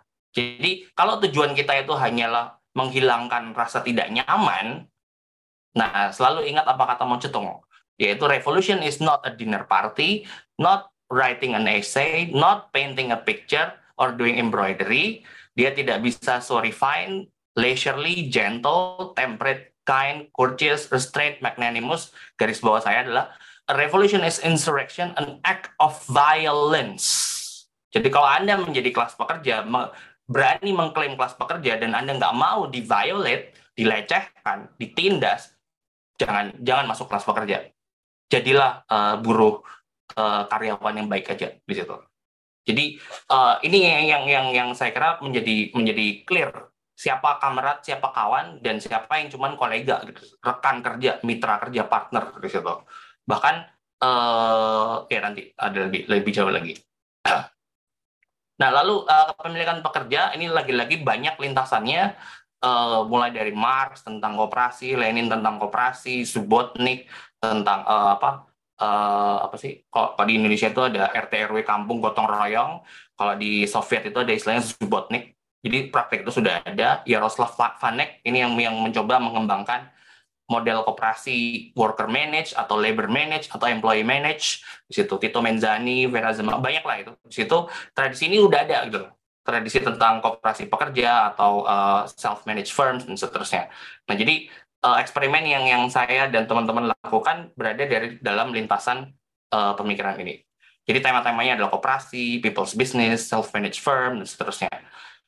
Nah ini ada tiga tiga yang besar. Uh, saya nggak bisa mendetilkan, tapi gampangnya employee management itu berbasis uh, uh, kita adalah karyawan, lalu worker manage uh, bedanya WMF dan LMF itu worker manage itu kita self funding, sementara labor manage itu kita menggunakan loan capital, kita menggunakan upah dan seterusnya gitu. Jadi uh, perdebatannya di seputaran itu. Nah, tapi yang penting adalah bagi saya pertanyaan krusialnya itu bukan bagaimana labor management bla bla bla itu bisa sejahtera, bagaimana mendapatkan perlakuan adil dari si bos atau sejawat, bagaimana mendapatkan passive income, bagaimana upscale bisnis, jaminan hari tua, membantu sesama, mendapat jodoh, itu semua perantara aja di situ. Jadi pertanyaan krusial untuk semua uh, kepemilikan pekerja adalah sejauh mana kepemilikan kita akan firm ini, perusahaan ini, koperasi ini, pabrik ini, korporat ini, atau multinational company ini itu berkontribusi pada pemenangan agenda pekerja sebagai kelas di situ. Ini yang menurut saya uh, perlu perlu dipertanggungjawabkan oleh para uh, teknokrat atau para uh, desainer-desainer sistem koperasi di situ atau gerak atau apa pun lah. Bahkan saya berbayang-bayang MNC uh, bayang, bayang saya sederhana misalkan revolusi nanti Starbucks dikelolanya gimana ya? Uh, Exxon nanti dikelolanya gimana ya? Gitu. Jadi uh, apa?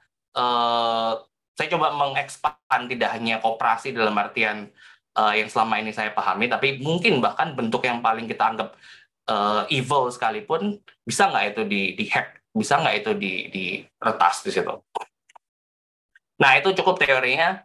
Nah retrospektif, nah saya ingin me, me, me, me, menceritakan dua eksperimen utama yang menurut saya paling time, time consuming, energy consuming, dan bahkan emotionally draining ya di situ. Yang pertama adalah sistem keuangan demokratis. Uh, saya pernah ngobrol ini kalau nggak salah dengan Mas Sena Mas Bima juga ya. Jadi kami menciptakan sistem namanya sistem kontribusi aktivitas produksi KAP. Jadi ada istilah bagi hasil. Ini versi super kompleks dari bagi hasil yang itu inspirasinya cuma dari kata-kata yang Marx saja from each according to his abilities to each according to his needs dan diterjemahkan dalam kerangka akuntansi situ kalau sederhana ya buat teman-teman yang uh, menghitung keuangan, perhitungan akuntansi itu selalu menghitung berbasis uh, jam kerja. Akuntansi uh, perhitungan kerja itu berbasiskan jam kerja. Beda dalam dalam perhitungan KAP ini dia berhitung berbasis komposisi kontribusi kerja, Silo. Lalu bobot penelitiannya misalkan uh, bikin kopi untuk rapat dan bikin proposal itu dua pekerjaan yang uh, setara tapi bobotnya berbeda. Sehingga pertanyaan kemudian adalah siapa yang menentukan bobot? Nah itu ditentukan secara demokratis di situ. Lalu uh, di dalam sistem KAP ini pun ada diskriminasi. Itu kenapa saya tekankan tadi uh, bagi saya kelas pekerja itu harus sektarian. Sektarian itu ada pilih kasih, harus diskriminatif. Teman, kamrat itu teman uh, yang dapat privilege, yang lainnya mohon maaf di situ. Tapi tidak mengurangi aspek demokrasi. Bedanya di mana eh, orang-orang uh, yang yang yang kita anggap uh, kawan, yang kita anggap uh, kamerat lah dalam hal ini, dia punya demokrasinya sampai di level politik, sampai di level penentuan pembobotan pembagian kerja di situ. Tapi kalau mereka cuma sambil lalu, cuma uh, freelance dan seterusnya yang tidak into agenda atau visi politik, ya mereka dapat demokrasi ekonomi tapi hanya sebatas dikasih tahu aja jadi komponen gajimu itu seperti ini, ini, ini, ini upahmu seperti ini, ini, ini ke situ. Bahkan kita masih pakai term upah. Tapi kalau kalau di, di kawan sendiri kita sudah tidak pakai term upah, tapi kita sebutnya uh, eh, KAP atau koremunerasi. Nah ini gampangnya seperti ini. Jadi uh, teman-teman bisa lihat di sini uh, pengeluaran ada OPEX, CAPEX, kita uh, institutional fee kita pecah untuk untuk uh, koperasi berapa. Nah ini yang uh, uh, eksperimen kami uh, kami mencoba mengukur immaterial labor. Immaterial labor itu uh, beda dari material labor. Material labor itu adalah kerja yang langsung memproduksi. Kalau immaterial labor itu adalah kerja yang secara tidak langsung memproduksi. Misalkan apa? Uh, untuk mendapatkan proyek perlu ada kerja-kerja untuk lobby, kerja-kerja nongkrong, ngopi, uh, client relations lah. Lagi-lagi ini perspektif saya uh, perspektif knowledge workers ya, uh, consultancy project di situ. Nah kerja-kerja ini ini tidak tidak menghasilkan produknya, tapi dia menjadi kerja yang sifatnya reproduktif. Situ. Kerja yang lain adalah uh, niteni, niteni itu apa ya? Hmm, memperhatikan teman-teman pekerja uh, jangan-jangan dia overload kalau dia overload harus pindah dan seterusnya jadi kerjaan-kerjaan manajemen itu juga bukan kerjaan produktif tapi kerjaan sifatnya reproduktif nah itu yang coba kami kami ukur di sini jadi ada money capital owner jadi ada ada ada return untuk uh, keempat keempat poin ini. Dan dan kami juga mengembangkan sistem pajak di situ. Nanti saya akan bahas tentang refleksi tentang pajak di. Nah, gampangannya itu jadi di KAP itu setiap pekerjaan itu dari besar kita pecah truk ke dalam dalam uh, pekerjaan yang lebih kecil. Setiap pekerjaan yang lebih kecil ini kita pecah lagi ke dalam tas. Setiap tas kita bobot bobotnya berapa-berapa, sehingga pada saat saya mengerjakan pekerjaan ini, sudah ketahuan bobotnya adalah berapa persen dari total nilai proyek. Jadi teman-teman kalau ngelihat uh, apa uh, Excel Excel kami itu bahkan bisa ngelihat 0,06 persen, ada bahkan yang 0,00003 persen dari beberapa ratus juta dan seterusnya. Jadi uh, sedetil itu. Nah ini bahkan kalau teman-teman lihat di sini ada ada tasnya itu ada bisa ribuan bahkan kalau untuk proyek yang besar di sini ke kanan ini adalah nama-nama orangnya di sini persentase orangnya jadi nah itu jadi uh, intinya adalah kami mencoba membuat sistem keuangan yang uh, perencanaan keuangan yang demokratis yang itu semua dikelola uh, oleh uh, pekerja itu sendiri di situ. Nah, refleksi saya adalah tentu nomor satu adalah teknis ya, tantangan efisiensi dan memori komputasi. Itu Excel Excel itu nggak bisa online. Kenapa? Kalau online dia minimal bisa 40 megabyte seterusnya. Jadi kami mencoba membuat itu dalam uh, database yang lebih lebih ringan, tapi lagi-lagi itu butuh waktu development dan seterusnya. Uh, dan semua orang lagi sibuk. Yang kedua, menguji ketahanan dan komitmen keseharian dari ide grandios revolusi. Jadi revolusi itu dimulai dari bookkeeping, uh, disiplin nggak nyatetin keuangan, disiplin nggak nyatetin. Jadi cenderung teman-teman suka yang heroik-heroik aja, tapi hal-hal perintil uh, keseharian itu diremehkan situ. Lalu dia juga menunjukkan lemahnya tradisi perencanaan sistematis. Untuk untuk uh, iterasi-iterasi awal itu betapa susahnya kami teman-teman yang menggunakan ini itu untuk membreakdown pekerjaan di situ. Jadi kelihatan betapa kita nggak nggak nggak nggak cukup punya perencanaan sistematis yang yang yang wow, yang bagus di situ. Dan bahkan teman-teman juga cenderung hostile terhadap manajemen di situ. Dianggap oh ini kayak gua di kantor aja bla bla di situ. Dan yang menarik adalah pada saat itu semua diukur secara objektif kita bisa lihat siapa yang banyak kerja. Nah, siapa yang banyak kerja ketahuan. Karena apa? Karena dia lebih skillful. Karena dia lebih banyak punya capital knowledge-nya. Karena dia punya network lebih besar. Kontribusinya dia jauh lebih besar Nah, dari hasil objektif itu, oke okay, itu tetap dibayarkan, tapi perlu ada refleksi. Dan dari banyak uh, proyek yang kami lakukan dengan KAP ini, kelihatan ada ketimpangan kelas internal, bahkan di orang-orang yang mendamba-dambakan dunia tanpa kelas, ironis gitu. Jadi bahwa bahkan ketimpangan kelas internal ini terbukti dalam pencatatan kerja yang timpang di situ tanpa disengaja di situ sehingga ini yang menurut saya perlu untuk diadres dari setiap organisasi. Gitu. Eksperimen kedua yang men yang menurut saya uh, saya uh, menarik untuk dibagikan itu adalah kami mencoba eksperimen berbasis uang kolektif, complementary currency. Jadi berbasis sosial media Instagram. Waktu itu kebetulan kami kerjasama dengan uh, Oke Pangan, kalau teman-teman tahu kolektif seni uh, Ruang Rupa, uh, uh, apa Gudang Sarina di situ. Jadi ini kami uh, namanya Warko dan Bangko. Jadi Warco itu adalah uh, eksperimentasi complementary currency berbasis media sosial dengan komoditas makanan harian di ruang kolektif seni di gudang Sarina.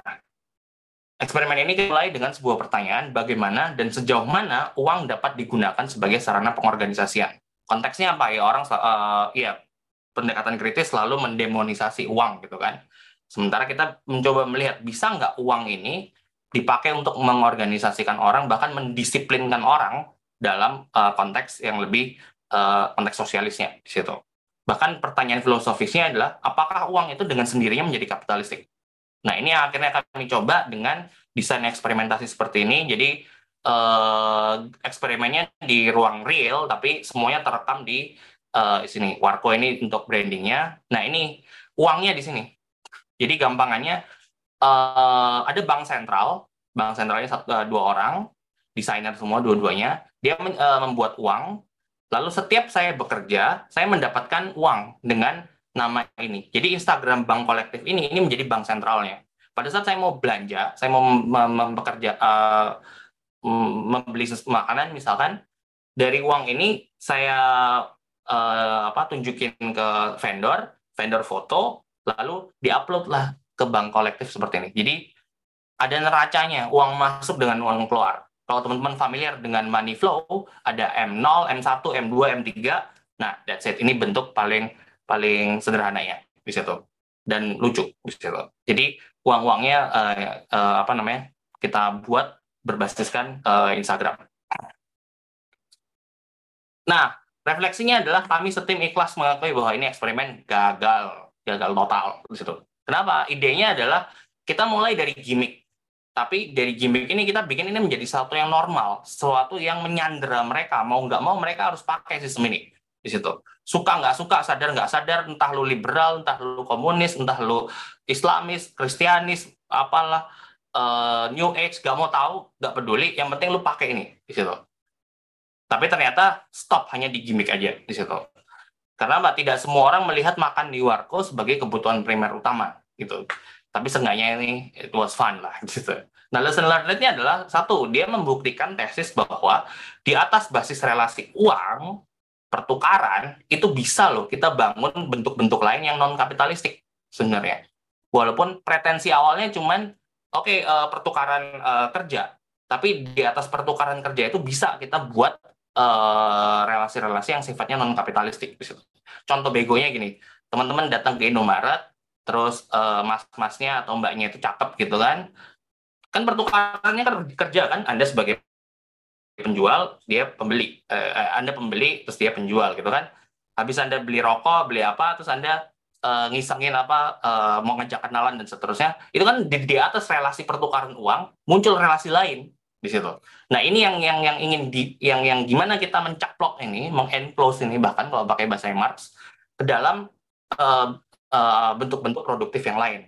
Ide dasarnya itu di di eksperimentasi ini. Lalu fun, fun itu ternyata dia terbukti juga bahwa dia adalah antitesis dari logika akumulasi. Kenapa? Desainer yang membuat membuat uh, apa namanya uang-uang ini itu desainer multinasional yang saya nggak akan berani untuk nge-hire mereka untuk proyek-proyek saya karena harganya super mahal dan mereka melakukan ini secara gratis gitu dan banyak yang lainnya juga melakukan itu seniman-seniman besar tiba-tiba mereka mau masak yang datang ke gudang Sarina dan seterusnya demi ikut pertukaran itu jadi fun itu adalah antitesis dari logika akumulasi sampai dia menjadi rutinitas dan tiba-tiba fun itu hilang gitu sehingga pertanyaannya adalah gimana mempreserve fun Nah, ini kita butuh pengetahuan-pengetahuan seperti sistem designer, arsitek gaming. Kenapa gaming? Game itu bisa membuat orang terus fun di. Psikologi lingkungan dan seterusnya. Jadi, uh, intervensi ini yang menurut saya penting.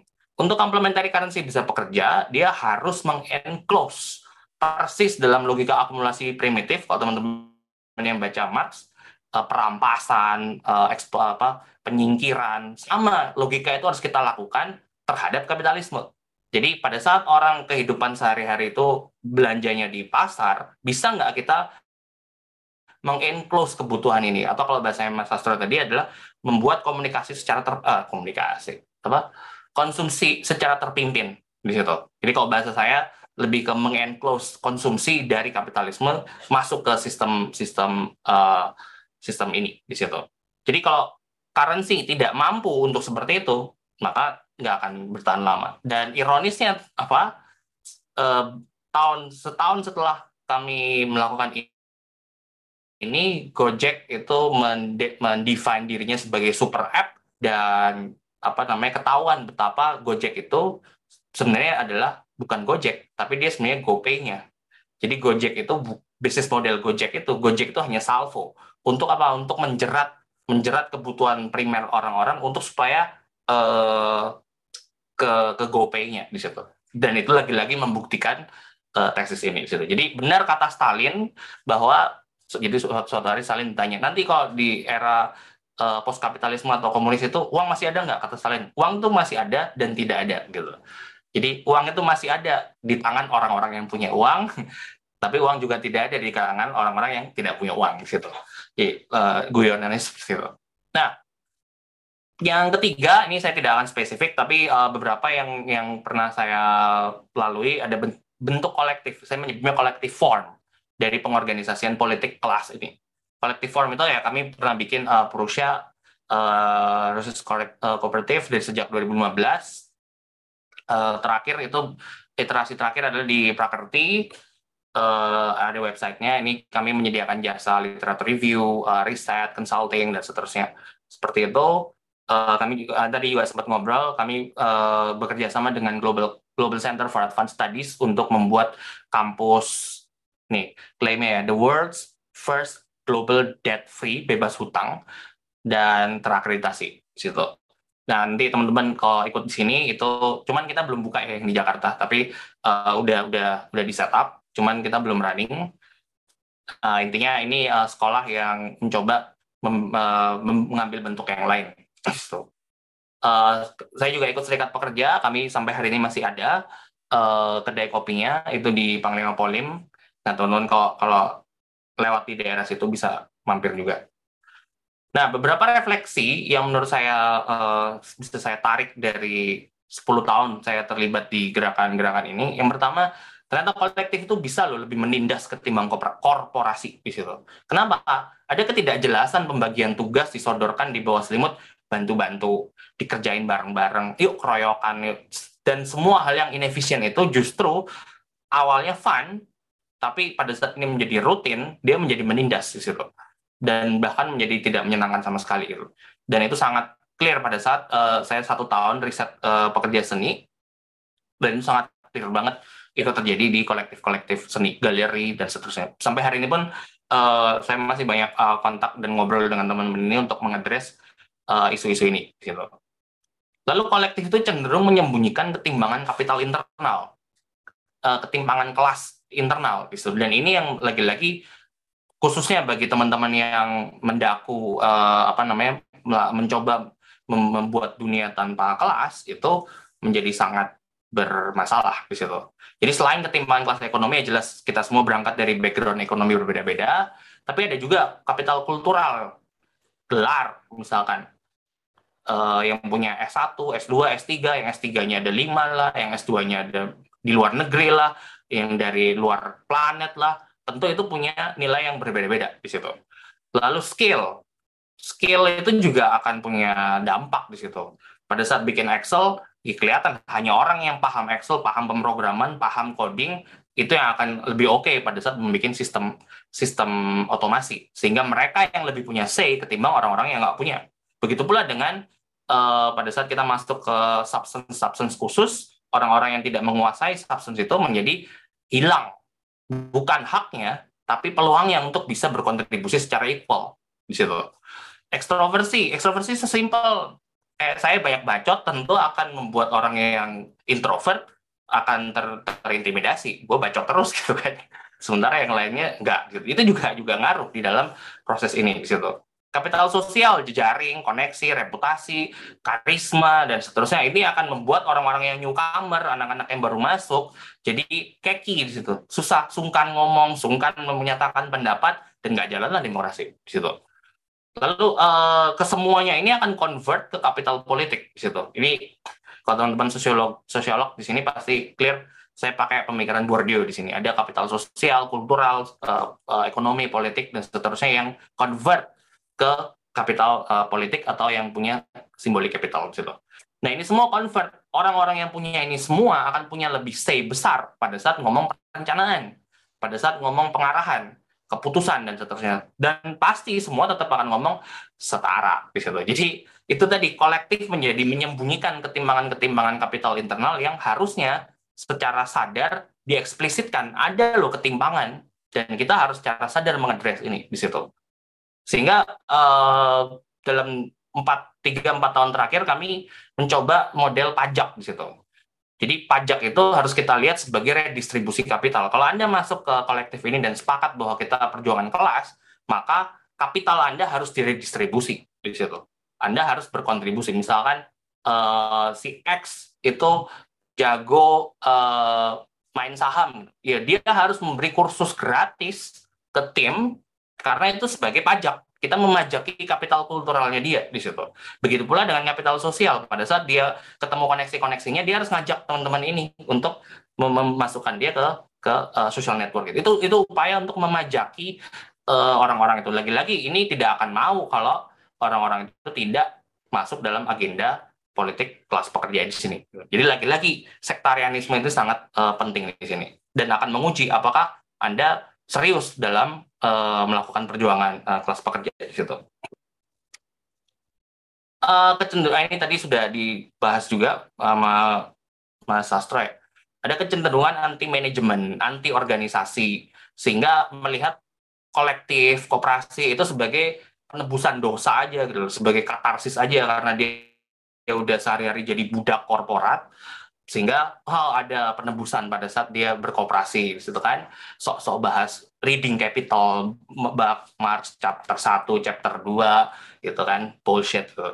jadi uh, sehingga uh, in reality kita perlu pengoperasionalisasian proses produksi kita mesti bisa bikin rantai kerja rantai nilai value added dan seterusnya task management, project management. Nah ini yang yang hal-hal yang sering di, di, dijauhin sama teman-teman pada saat masuk uh, pengorganisasian ekonomi di situ. Bahkan kecenderungan ada anti pengetahuan dan praktik pemodelan bisnis karena ya semua bisnis kapitalis di situ.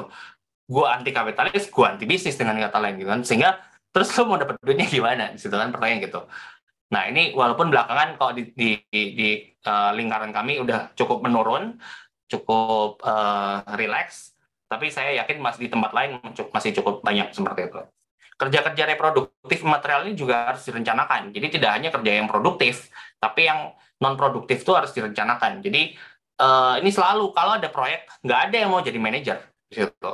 Karena apa? Jadi manajer ribet, kontakin orang, terus uh, ngurusin administratif, bla bla bla di situ. Jadi semuanya cuma mau kerja. Bahasanya itu gue cuma mau mengerjakan hal-hal yang bermakna dan yang dianggap penting. Sehingga yang nggak penting administrasi, keuangan, beres-beres meja, habis orang ngerokok abunya ke mana-mana, nggak penting, ditinggal aja di situ. Nah ini hal-hal remeh yang saya yakin bisa membuat pecah uh, soliditas sebuah organisasi di situ. Nah ini yang yang penting uh, apa? Lalu uh, agak lebih naik lagi pengalaman uh, banyak kalau kita mengorganisasi melalui pengetahuan harus berkooperasi, harus begini. Uh, limit ada ada, ada keterbatasan yang saya ya, ya yakin nggak nggak bisa ditembus gitu. Nah beberapa pengalaman saya pada saat saya uh, ngorganize di beberapa uh, koperasi di Bengkulu, lalu uh, ini, ini pengalaman di Bengkulu, lalu pada saat itu kami uh, roadshow uh, uh, WTO dan dampak-dampak WTO World Trade Organization uh, ke Bali dan seterusnya itu. Nah itu kami coba menggunakan metodenya systematization of sufferings. Jadi kita berangkat dari sufferings. Contoh detail yang pernah saya uh, lakukan, waktu itu saya bedah value chain uh, kopi Arabica dari pembenihan sampai ke ke gelas kopi di situ. Dan dan uh, pancing lain saya adalah ini bapak-bapak, ibu-ibu petani kopi metik uh, mulai dari membibit sampai metik itu habis berapa tiga bulan. Gitu saya uh, berapa satu kilonya 18 ribu. Bapak tahu saya di kedai saya sekali tuang cuma 10 menit harganya 40 ribu. Nah itu langsung bikin mereka marah kan. Nah jadi uh, gimana kita uh, suffering sufferingnya mereka ini kita luapkan, lalu kita letakkan dalam konteks kemarahan bapak ibu itu, ini loh ada sistemnya gitu. Sehingga kalau kalau dia hanya stuck di sini, dia tidak punya kesadaran sistemik, dia tidak akan punya ke politik di situ. Tidak ada keinginan untuk menguasai sistem di situ. Nah, ini yang yang apa uh, sering kali uh, saya pakai untuk membuat mereka sehingga mereka punya kebutuhan untuk berkooperasi, kebutuhan untuk punya pengetahuan bukan dari kita, tapi karena memang dia kalau saya tidak tahu, saya akan diakalin sama orang, saya akan ditipu sama orang di situ. If we don't do the math, other will do the calculation. Gitu. Kalau kita nggak ngitung sendiri, orang yang akan ngitungin untuk kita di situ. Nah itu. Lalu uh, pembelajaran lain, aliansi lintas kelas itu tidak terelakkan. Nah ini ini ya mungkin di Indo Progres saja ya, yang kita selalu berdebat aliansi lintas kelas itu mungkin atau enggak baik atau enggak gitu. Tapi nggak tahu, mungkin teman-teman sini juga. Tapi poinnya adalah aliansi lintas kelas itu tidak terelakkan. Tapi yang garis bawah saya adalah pada saat kita menjalankan aliansi itu harus dilandasi sektarianisme di situ. Sektarianisme itu dalam arti itu tadi kalau, kalau di contoh di rencana keuangan kami ada diskriminasi, ada diskriminasi untuk orang-orang yang cuman freelance, yang cuman sambil lalu dan seterusnya, yang cuman nyari sampingan aja, sabetan-sabetan aja, kita punya perlakuan berbeda antara orang-orang ini dengan kawan-kawan sendiri di situ. Solidaritas pun terancam menjadi feel good politics kalau kita nggak punya agenda politik kelas di situ. Sering uh, ngomong solidaritas apalah Black Lives Matter lah, Palestina lah, lah, gitu kan. Iya percuma lo bacot aja tapi nggak ada organisasi uh, ekonomi untuk memperkuat kapasitas politik untuk merebut sistem ya percuma di situ. Nah itu yang yang yang uh, belakangan saya agak uh, mengurangi untuk uh, kalau ada uh, apa teman-teman uh, sering tuh di di Facebook atau di Twitter itu uh, pingin uh, ngobrol ngobrolin koperasi ngobrolin koperasi. Kayak agak males ngobrolin koperasi. Ngobrolin agenda politik kelas melalui koperasi yuk gitu. Tapi kalau mau ngobrolin koperasi uh, banyak yang lain lah lebih expert gitu ya di situ. Nah perlu menghidupkan kembali tradisi perencanaan ekonomi siklus bisnis tradisi debat transisi terutama kalau orang-orang yang mendambakan alternatif dan juga tradisi sibernetika di situ Nah, yang yang kami lagi dalemin itu tentang global value chain, karena kebetulan uh, beberapa kami uh, political economist. Nah, ini kita mencoba melihat bagaimana perencanaan value capture itu bisa dilakukan dengan uh, peretasan-peretasan sifatnya sistemik, jadi nge-hack lah, dan seterusnya. Tapi itu bisa lebih detail next time. Uh, nah, ini juga uh, variabel terpenting, ini khususnya teman-teman pekerja kreatif ya, selalu menggembor-gemborkan. Uh, saya saya saya harus mengakui saya ikut andil dalam mempopulerkan istilah pekerja imaterial, reproductive labor. Waktu itu saya bantu-bantu teman-teman sindikasi untuk untuk bikin sampai jadi sindikasi. Sindikasi itu menjadi uh, apa namanya uh, sedianya di, di level teorinya ya. Uh, tapi pada saat pengorganisasiannya saya nggak ikut karena saya udah punya serikat di situ nah itu uh, ide yang keluar itu soal pekerja imaterial, pekerja reproduktif. Dan ini perkembangan debatan ini atau diskusi tentang ini yang saya lihat di di majalah-majalah, di Tirto, di Indo Progress, di banyak terbitan lain, itu udah bahasa saya ya, blinger gitu. Keblinger dalam artian apa? Pada saat uh, uh, pekerja reproduktif ini dinaikkan, itu untuk menyadari bahwa produktivitas tidak akan ada tanpa reproduktivitas. Tapi uh, stream hari ini justru reproduktivitas itu di, menjadi menjadi dewanya gitu. Sehingga pertanyaannya kalau lu reproduktif terus nggak ada produksi, cuma dong gitu. Nah ini sehingga akhirnya banyak orang melihat faktor reproduksi itu sebagai excuse untuk meninggalkan ranah produksi. Sehingga nggak perlu paham tentang perencanaan market, perencanaan bisnis, produksinya. Instead, ya support group aja, curhat-curhatan aja, uh, baca buku Marx bersama gitu. Jadi kerjaan-kerjaan reproduktif semata di situ. Nah ini yang yang yang me, me, membuat uh, bisnis bisnis di uh, apa namanya firm kita menjadi kurang maju di situ. Ya karena uh, koperasi ini hanya menjadi tempat untuk bereproduksi aja. Nah, jadi uh, simpulan singkat saya, ini yang pertama adalah kepemilikan pekerja itu perlu dikerangkakan dalam bentuk perjuangan kelas dan bukan semata-mata hak legal di situ. Lalu yang kedua, semua orang adalah buruh atau pekerja, yes, tapi belum tentu semua buruh pekerja itu kelas pekerja. Dan kita harus clear kawan dan lawan di sini harus clear di situ. Lalu uh, perlu uh, menghidupkan kembali tradisi perencanaan dan strategi yang lagi-lagi sudah dipendam dalam-dalam dengan tradisi kritik kebudayaan, tradisi HAM, tradisi-tradisi cancel culture, SJW, social justice warriors dan seterusnya. Sementara yang yang yang ini banyak nggak kesentuh di situ. Lalu perusahaan atau apa pun uh, itu bagi saya uh, yang ingin saya bagikan adalah dia adalah medium. Lagi-lagi dia cuma medium, jadi tidak ada alasan untuk mengkultuskan besar satu bentuk-bentuk medium ini dan uh, dia medium khusus berbeda dari medium-medium lain serikat atau uh, asosiasi. Misalkan sekolah perusahaan itu menjadi adalah medium dari kerangka kelas pekerja dia adalah medium untuk kita berorgan mengorganisasikan orang dan berstrategi dengan cara mengenclose balik kapitalisme itu situ. Dan terakhir bagi saya tetap politik adalah panglima. Jadi kalau ujungnya kooperasi itu hanya kesejahteraan ekonomi bagi saya that's not worker co-ops, worker dalam artian kelas pekerja. Ujung-ujung dari kooperasi, ujung dari semua adalah politik dan politiknya adalah agenda politik yang saya sebutkan tadi, uh, perebutan uh, sarana produksi, uh, peniadaan uh, ketimbangan uh, eksploitasi, kelas sosial dan full development of human mastery. Situ. Itu aja dari saya. Terima kasih dan ini foto dari Lenin pada saat dia menjelaskan tentang Guelro atau perencanaan ekonomi untuk mengingatkan kita kembali tentang tradisi perencanaan ekonomi. Terima kasih. Oke, terima kasih Mas Yosi. Wah, ini pada heboh semua nih di kolom chat nih. Kayaknya uh, hmm. banyak banget yang ingin ditanggapi nih statementnya nih kita lihat dulu ya di apa slidonya ada yang sudah menampilkan pertanyaan belum ya? Boleh aku share screen ya, bantu share screen untuk slidonya ya. Boleh, Mas Sena. Atau mungkin ada, eh, sambil menunggu nih ada yang mau bertanya langsung?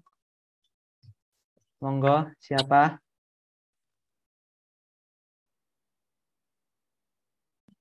Ini ada Mbak Eri Reshen.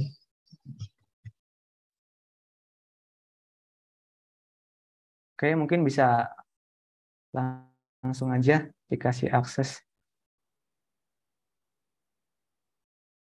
Mbak Eri udah bisa unmute harusnya. Oke oke, ya enggak, belum dipanggil kan jadinya nunggu. Uh, terima kasih dua presenter sini bagus banget. Apa apa namanya hal-hal yang tidak uh, saya jarang dengar dan juga mulai dari sejarah dari Mas Astro ya sejarah perjuangan sampai kupasan-kupasan uh, filosofi-filosofi kelas dari Mas Yosi. Saya sih uh, praktis aja ya. Kita pulang harus bawa sesuatu konkret yang saya setuju tadi banyak hal dengan Mas Yosi. Memang uh, konteks tadi Mas Yosi itu banyak mengupas soal uh, uh, apa kita tuh dalam posisi yang mana kalau kita berbicara. Jadi kalau perjuangan tuh harus tahu mimpinya. Tetapi uh, dalam tataran praktis kita juga harus tahu di kita pulang bawa apa nih dari diskusi ini demokrasi di tempat kerja di mana kita tahu kita hidup di dalam sebuah negara dengan sistem ekonomi katakanlah uh, mix ekonomi gitu ya dia dia nggak mau dibilang kapitalis tapi dia juga nggak mau dibilang sosialis Nah, itulah negara kita. Nah, eh, di mana kita tahu industri itu sebagian besar ya kapitalis kan begitu. Tetapi eh, demokrasi di tempat kerja itu yang bagaimana gitu. Jadi paling tidak tidak hanya kita komplain kepada eh, soal eh, tadi apa perjuangan eh, hak eh, apa kelasnya tadi ya tetapi kan juga realistisnya bagaimana? Misalnya uh, misalnya ini untuk Mas Astro nih ya mungkin yang banyak bekerja dengan di sektor industri. Uh, output outputnya tuh ciri-cirinya apa karakternya? Misalnya aja saya sih contoh aja ya di Bina Swadaya itu ada uh, town hall. Jadi meskipun kita bergerak uh, bergerak dalam bentuk uh, limited company gitu, tetapi kita sebagai social enterprise itu ada beberapa aturan di dalam pengambilan keputusan begitu Eh, keputusan kolektif, ada town hall meeting dan lain-lain.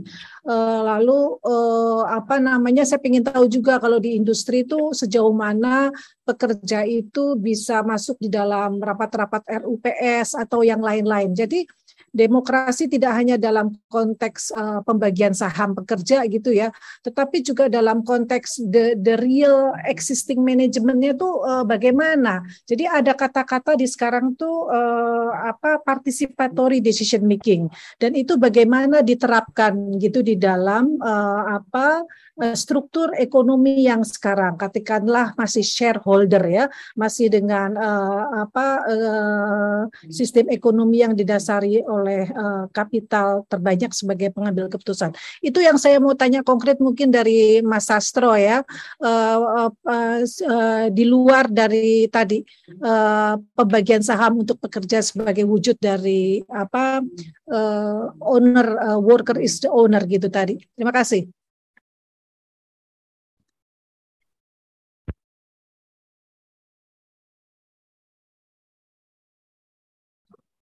Oke, silakan mungkin Mas Sastro bisa langsung ditanggapin dulu. Ya, pertanyaannya agak sulit dijawab, Mbak Eri. Tapi eh, apa ya? Karena ini kaitan sama realitas eh, perusahaan-perusahaan di Indonesia ya. Jadi perusahaan di Indonesia itu yang ibaratnya partisipatoris itu sepertinya sangat terbatas dan ya bisa dikatakan malah kayak tidak ada kayak gitu.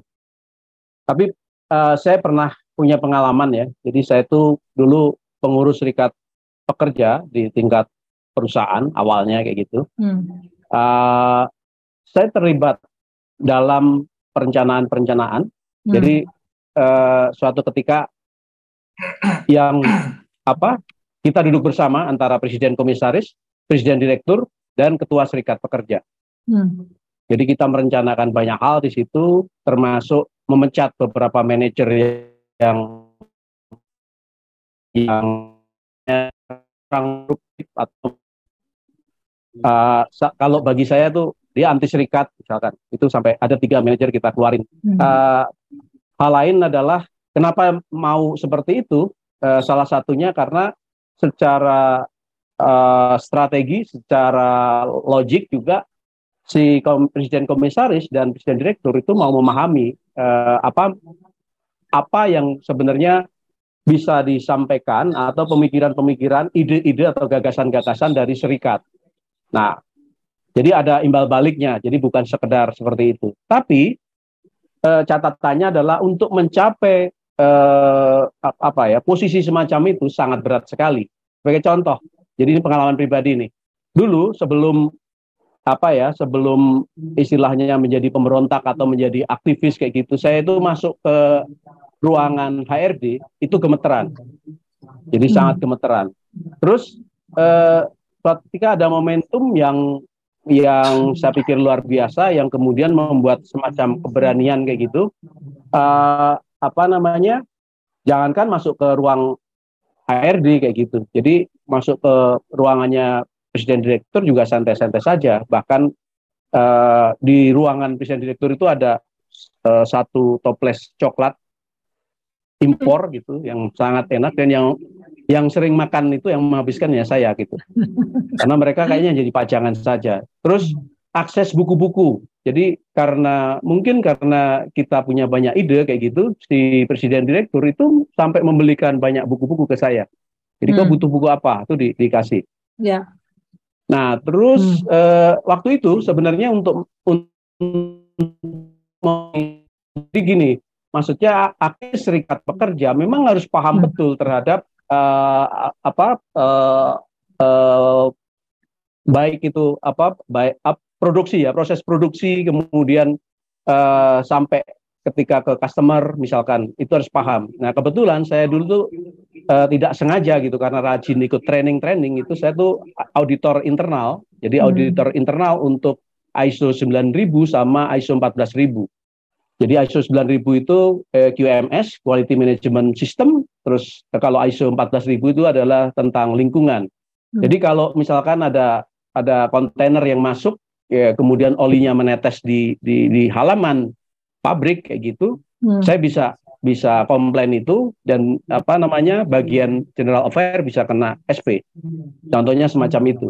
Nah, cuman masalahnya adalah eh, apa ya sebenarnya gini untuk membangun partisipasi itu kepercayaan diri ya kepercayaan diri bagaimana bahwa posisi serikat pekerja itu setara dengan hmm, uh, posisinya uh, ya. manajemen. Hmm. Nah pembelajaran yang sekarang ini masih tersisa itu sebenarnya di di di di di, di Jerman ya di Jerman itu sampai sekarang masih ada satu-satunya yang disebut dengan Dewan Buruh.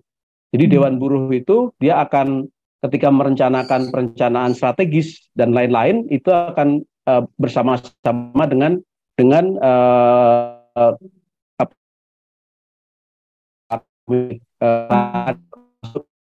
apa pentingnya. Nah, sulit. Ya, uh, apa kalau ini apa ya? Uh, kayak kayak yang diungkap oleh uh, Mas Yosi gitu. Hmm. Jadi tabu bahwa ini apa kapitalis ini hmm. ini padahal apa remah-remahnya uh, sistem produksi atau sistem manajemen kapitalisme itu memang harus kita kuasai harus kita pahami hmm. kalau itu tidak ya ya kita apa ya hanya jargon saja kayak gitu kalau kita menguasai kan harus paham semuanya jadi harus paham hmm. gimana menjadi komisaris paham gimana menjadi seorang direktur gimana menjadi seorang manajer seorang supervisor uh, bukan hanya level level rendahan semacam operator saja. Nah, ini tantangan gitu loh. Nah, untuk menuju ke sana memang harus kita buka sebenarnya ruang-ruang pendidikan. Kayak contoh Bina, Swa, Bina Swadaya misalkan, hmm. saya pikir itu bisa membuka. Jadi membuka kursus-kursus. Nah, undang tuh hmm. uh, Mas Yosi, uh, Sena untuk misalkan boleh boleh bagaimana boleh. sih uh, apa manajerial ya. Jadi manajemen uh, bisnis, manajemen korporasi, termasuk yang jangan lupa harus diisi dengan ideologi tadi. Karena tan tanpa itu nantinya gini, kita akan terjebak menjadi uh, oportunis. Jadi oportunis atau oponturir. Jadi hanya karir kita sendiri gitu. Karena ketika ada uh, pimpinan uh, serikat atau aktivis yang berpengaruh, itu pasti kemungkinan untuk dibeli oleh uh, korporasi, oleh si pengusaha itu sangat besar sekali. Nah, gimana caranya supaya tidak tidak terbeli itu tadi kan? Nah, itulah muatan ideologi itu penting. Jadi antara pengetahuan berbasis ideologi sama pengetahuan berbasis manajerial, menurut saya itu harus benar-benar seimbang. Terus kemudian nggak bisa apa ya? Kemudian harus fleksibel juga. Kapan harus memanfaatkan uh, pengetahuannya ya untuk misalkan uh, melakukan entah itu lobby-lobby untuk melakukan misalkan perbaikan hal-hal uh, itu uh, apa ya uh, sangat penting untuk untuk uh, dikuasai oleh kita. Nah, untuk menguasai itu semua kan memang mau tidak mau hmm. bahwa uh, apa untuk belajar persoalan-persoalan tadi itu uh, sangat dibutuhkan. Mungkin ya, itu, ya. Mbak Eri.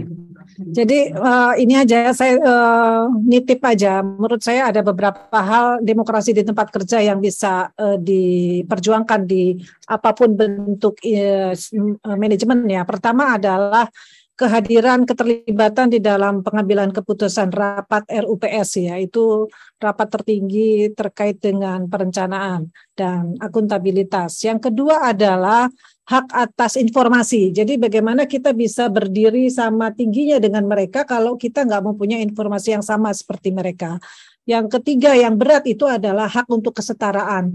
Nah itu beratnya kenapa hak kesetaraan? Kadang-kadang kita nggak setara karena informasi yang kita terima itu juga tidak setara. Jadi sebelum berbicara tentang yang lebih jauh, misalnya pemberian saham kepada hak pekerja dan lain-lain, atau uh, merubah sistem dari dari uh, manajemen gitu ya uh, uh, ke arah ekonomi solidaritas, saya rasa tiga poin itu yang harus diperjuangkan di dalam demokrasi di tempat kerja.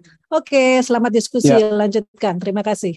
Ya, satu oh. lagi. Jadi ada, sorry, saya tambahin dikit. Jadi ada kelemahan uh, para pembisik ya. Jadi para pembisik kita atau para mentor zaman dulu lah kayak gitu. Jadi dulu itu untuk kepemilikan saham itu kita anti. Itu uh, mengapa peluang-peluang itu tidak diambil uh, ketika masa-masa uh, setelah krisis 97 ya. Jadi perlu banyak ruang untuk uh, proses share saham itu. Tetapi uh, makanya catatannya adalah ini masukan untuk uh, Mas Yosi, saya pikir perlu untuk di ini tentang desain. Jadi desain kita terhadap ketika bahwa uh, politik itu adalah panglima misalkan, desain kita terhadap uh, uh, apa namanya baik itu industrialisasi kerakyatan misalkan yang berbasis kooperasi, kemudian juga uh, apa desain tentang tentang uh, uh, gambaran uh, kepemilikan atau gambaran tentang dunia kerja atau industri industri ke depan seperti apa. Nah, itu itu harus dari awal gitu loh. Karena setelah, uh, misalkan saya ada hasil hasil semacam hasil mentoring yang yang salah satunya menyesatkan ketika misalkan kita anti terhadap kepemilikan uh, uh, apa perusahaan waktu itu. Peluang-peluangnya banyak kok itu, termasuk di tempat saya bekerja dulu. Tetapi selalu kita tolak karena dianggap itu adalah memoderasi gerakan. Jadi timbal uh, macam gini nih. Pokoknya yang penting itu politik. Jadi politik itu kita harus menang. Padahal uh, apa? Tetapi kita tidak berimbang. Jadi saya sering bicara bahwa ibarat uh, politik itu adalah kaki kiri, uh, ekonomi itu adalah kaki kanan kayak gitu. Nah, selama ini gerakan itu ya kenapa sampai sekarang juga refleksi saya nih, kenapa gerakan sampai sekarang ini uh, kalah terus nggak jalan-jalan? Karena kita tidak berimbang. Kita hanya berjalan dengan satu kaki, kaki kiri saja. Kaki kanannya disimpan. Akhirnya uh, kayak kita main apa waktu kecil tuh main engklek atau apa itu. Jadi hanya kaki kiri aja. Ya nggak bisa lari gitu loh. Sementara oligarki atau uh, kapitalis itu dia jalan dengan dua kaki. kaki. Mereka selalu berlari. Nah itu uh, catatan tambahannya. Terima kasih. Terima kasih. Okay. Kita main salamanda ya jadinya. Oke. Okay. Terima kasih Mas Satro, Bu Eri. Nih uh, kita lanjut ke ke Slido nih. Udah banyak pertanyaan nih. Mungkin kita ambil dari poin yang paling atas dulu nih. Uh, Mas Yosi bisa menanggapi nih gantian. Ada pertanyaan dari siapa ini inisialnya kucing. Uh, bagaimana konsep demokrasi yang dibangun pekerja jika uh, satu koperasi ada 200 orang dan bagaimana cara efisiensi pemerataan proses demokrasinya? Mungkin mau ditanggapin Mas Yosi. Oke baik.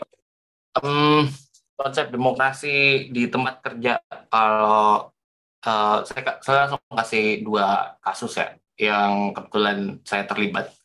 Uh, jadi all in all demokrasi itu saya, yang saya yakini adalah dia bukan diberikan tapi dia direbut gitu.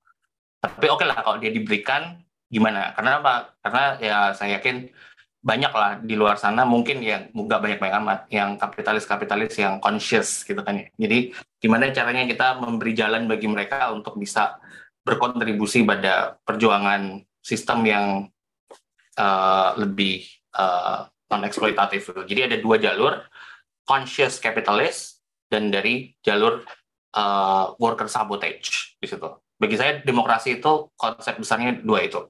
Nah, uh, saya kasih contoh yang worker sabotage dulu.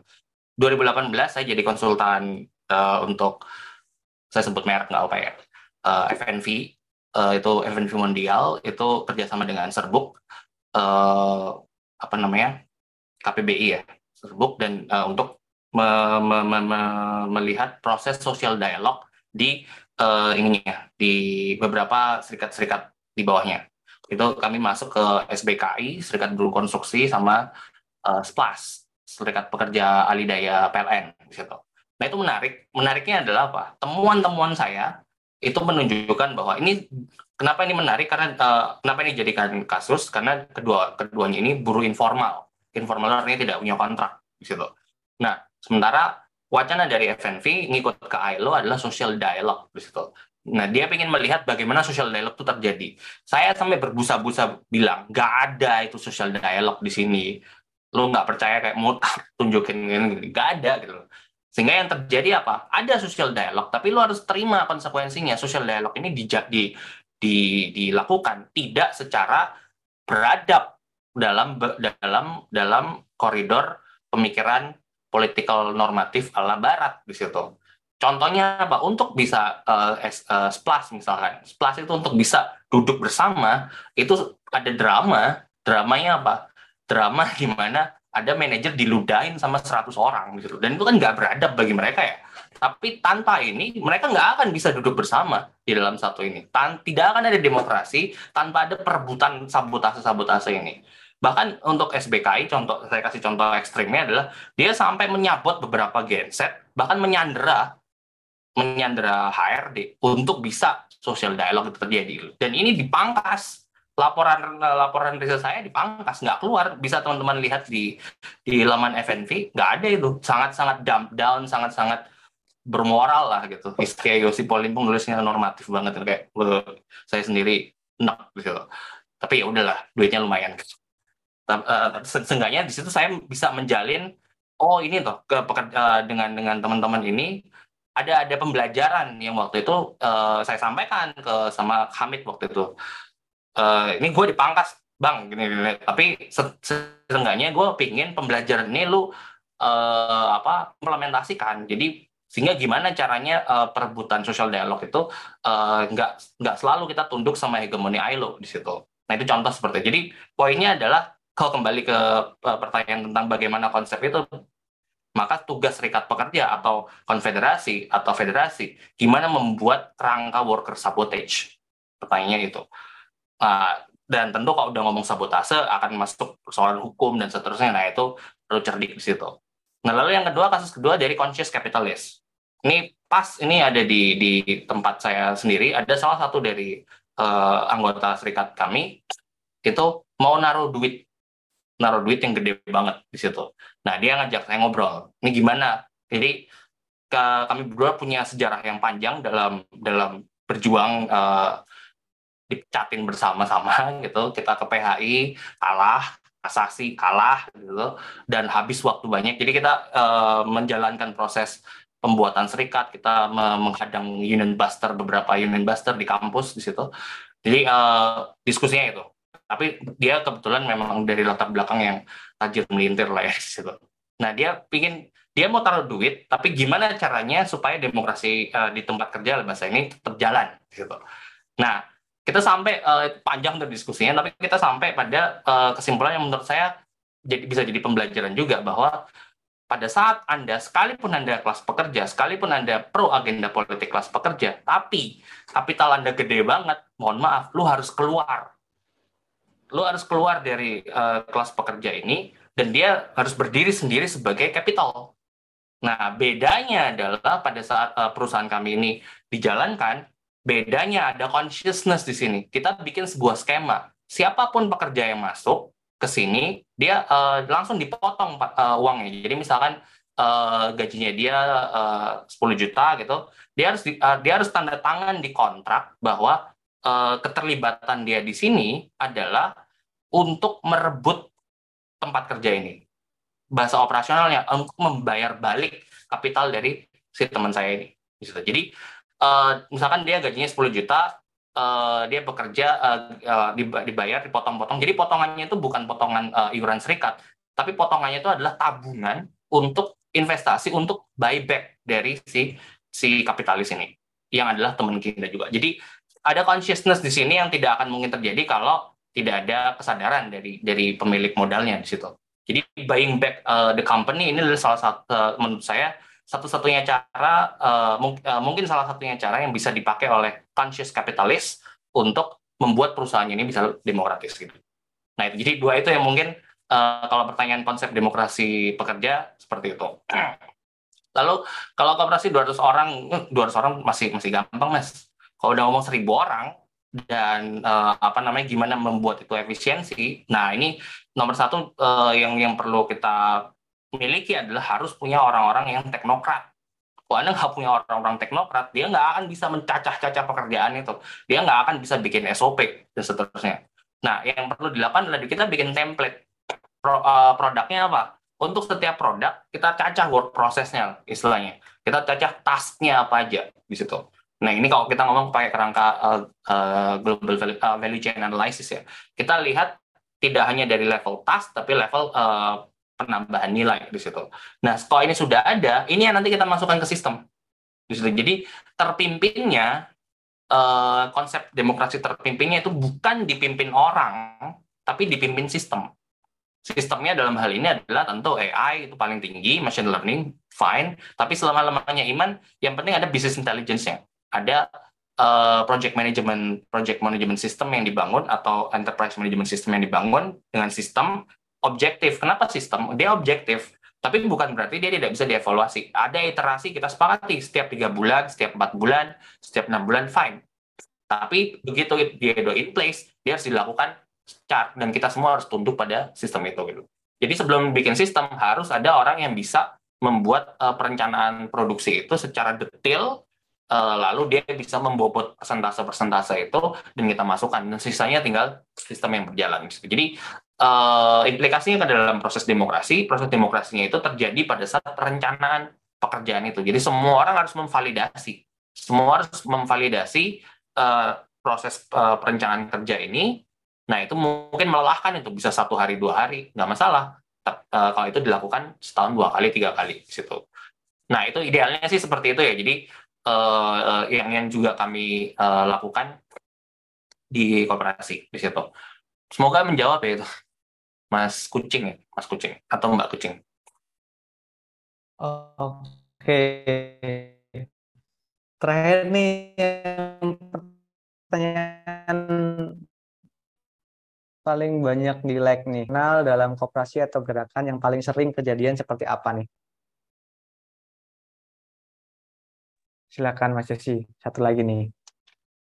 Kesalahan praktek politik internal uh, menurut saya yang paling fatal ya, paling fatal itu adalah kita tidak mengakui bahwa ada ketimpangan di dalam organisasi kita. Sehingga uh, ya saya psikoterapis ya. Ada tiga cara orang tidak mengakui sesuatu. Yang pertama direpresi, yang kedua disangkal, di denial, yang ketiga di bumi hanguskan. gitu.